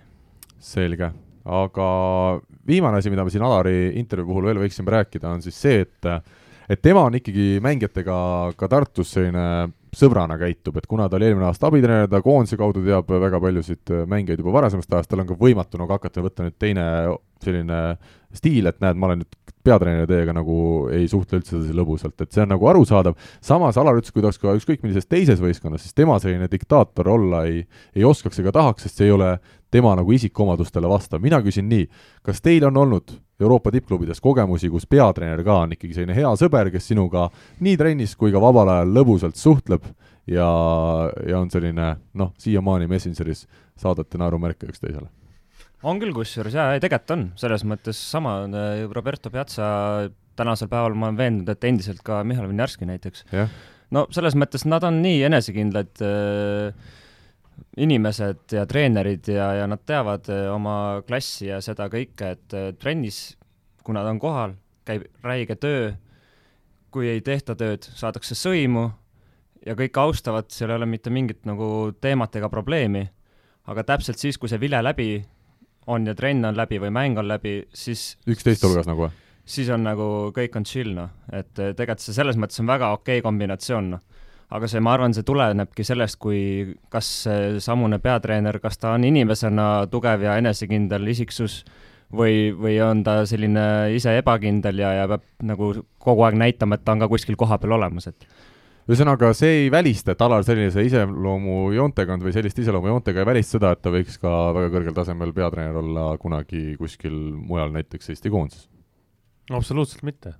Mina... isegi kui Alari Saart ei võta võistkonda? ma olen äh, öelnud oma nende venelastele üks kunagi nii sellise lause, et äh, lepime nagu ühes ja kokku, et äh, kui me lähme väljakule kõik, on ju, trenni, siis me läheme tööd tegema, mina teen tööd, teie teete tööd, me teeme kõik tööd minu töö üks osa on vahepeal teie peale karjuda, olete sellega mhm, nõus mm? -hmm. jah, et noh, sundidagi natukene rohkem teid. ja, ja siis ütlesin, et aga siis lepime nagu ühe asja kokku ka, et kui te ei viitsi tööd teha, siis öelge mulle ka, siis ma ka ei tee mm. -hmm. siis laseme oma selle poolteist tundi või kaks tundi seal väljaku peal ära ja tühja. aga siis ärme pärast räägi ka mingitest pagana tulemustest ega asjadest. ja kõik saavad jumala hästi aru, et kui me läheme väljakule, meil on see, ütleme siis nagu töösuhe, on ju, ja kui me tuleme sealt väljakult ära siis me oleme täiesti tavalised inimesed ja, ja noh, osadega saad paremini läbi, osadega ei saa paremini läbi, et see on täiesti normaalne selline inim-, inimeste suhe omavahel. ja siit tekkis mul nüüd, Rivo, sulle üks küsimus ja palve, kuna mina olen ka sinu nii-öelda rannavõrkpallitrennides käinud siin mõnel korral äh, ja loodetavasti tuleb neid kordi veel siin lähiajal, siis kas me saame kokku leppida, et sa järgmine kord ka, ükskord lihtsalt profülaktika mõttes siis karjud ka minu peale? Röögi, okei okay.. teeme, teeme ära. ja siis ma saan jagada seda kogemust, kuidas on Rivo käest saada sellist kriitil-. ei no ma võin sundida sind just, väga palju tegema teie tööd, jah. proovime, proovime ja ma annan teada, kuidas see kogemus siis äh, võib välja näha, kui Rivo Vesik tõesti hakkab karjuma, mitte ei tee ainult nalju äh, teema lõppu, mitte teema, vaid saate lõppu. viieteistaastane, saja kaheksakümne viie sentimeetri pikkune Tristan Täht valiti Eesti siis karikavõistlustel oma meeskonna äh, parimaks mängijaks siin U kaheksateist vanuseklassist käib jutt ja Selver esimesest võistkonnast äh,. Rene, sina olevat Robert Tähe noorema venna mängu näinud, kas seal on sarnasusi palju? jah, tõesti, ma nägin mingisugust äh, noortekoondise vahelist mängu, vist erinevad vanuseklassid, et äh, ilmselgelt oli, oli tõesti näha, rünnakuliigutus oli seda samasugust liigutust näha. õlg käib samamoodi käsi või? sarnaselt jah ja., väga sarnaselt ja sellist viha ja tahtmist, et et olen ka kuulnud, et talle kõvasti meeldib seal peale teha ja noh, eks ilmselgelt vanema venna nagu ja peale teha siis mitte kanepit mitte kanepit, vaid, vaid tööd just nimelt, eriti siis, ma sain aru, jõusaalis, et et tundub, et pikkust viskab ka normaalselt ja läheb ilmselt pikemaks kui Robbie isegi, et et ja, ja mis siin salata, aga ka vaimselt tundub, et mees, mees on terve, sest äh, enne viimast võistlust ta oli kodus emale öelnud, et äh, pane tee kapis ruumi, et ma tulen kahe karikaga tagasi, nii et ja tuli, tuli., et et, et selles mõttes kõik on, kõik on hästi, et aga kui, kui üle käte läheb, siis eks Robbie mainib mulle, ma tean, kus nad elavad, siis lähme teeme tee õhtul ja järgmises saates siis meil on jälle nelispordi küsimusmängu äh, rubriik, kus me siis küsijate küsimustele vastame. Ja Andri, kuna sina oled meil täna Andrese asemel, siis ma annan sulle võimaluse, meil on Saaremaa ja Tartu meeskond on meil küsimusi küsinud, muuhulgas siis meie kuulajatega ka iga kord üks võistkond esitab mõned küsimused, ole hea, sina vali järgmine võistkond välja. Pärnu. Pärnu meeskond tuleb, nii et äh, Aivar Osolins, Toomas Svans ja Kristjan Plataks, olge valmis ja pange küsimused teele. sama hästi oleks võinud Jekapils öelda praegu mehed, suur aitäh teile äh,, oli meeldiv kaks tundi, ma pean ütlema, meie saate vist kas kõigi aegade pikim saade, aga kuna kuulajad ise seda tahavad, siis me ei hakka vabandama ka. ilmselt jätkame samamoodi, juttu jätkus ja ilmselt jätkub ka järgmisel nädalal, nii et kuulake meid jälle ja olge tublid, aitäh! nägemist! Eesti kõige põnevamad podcastid on Delfis, kuula tasku.delfi.ee. ega edu pole jänes, mis eest ära jookseb, ärid on edukad Hammerheadi majades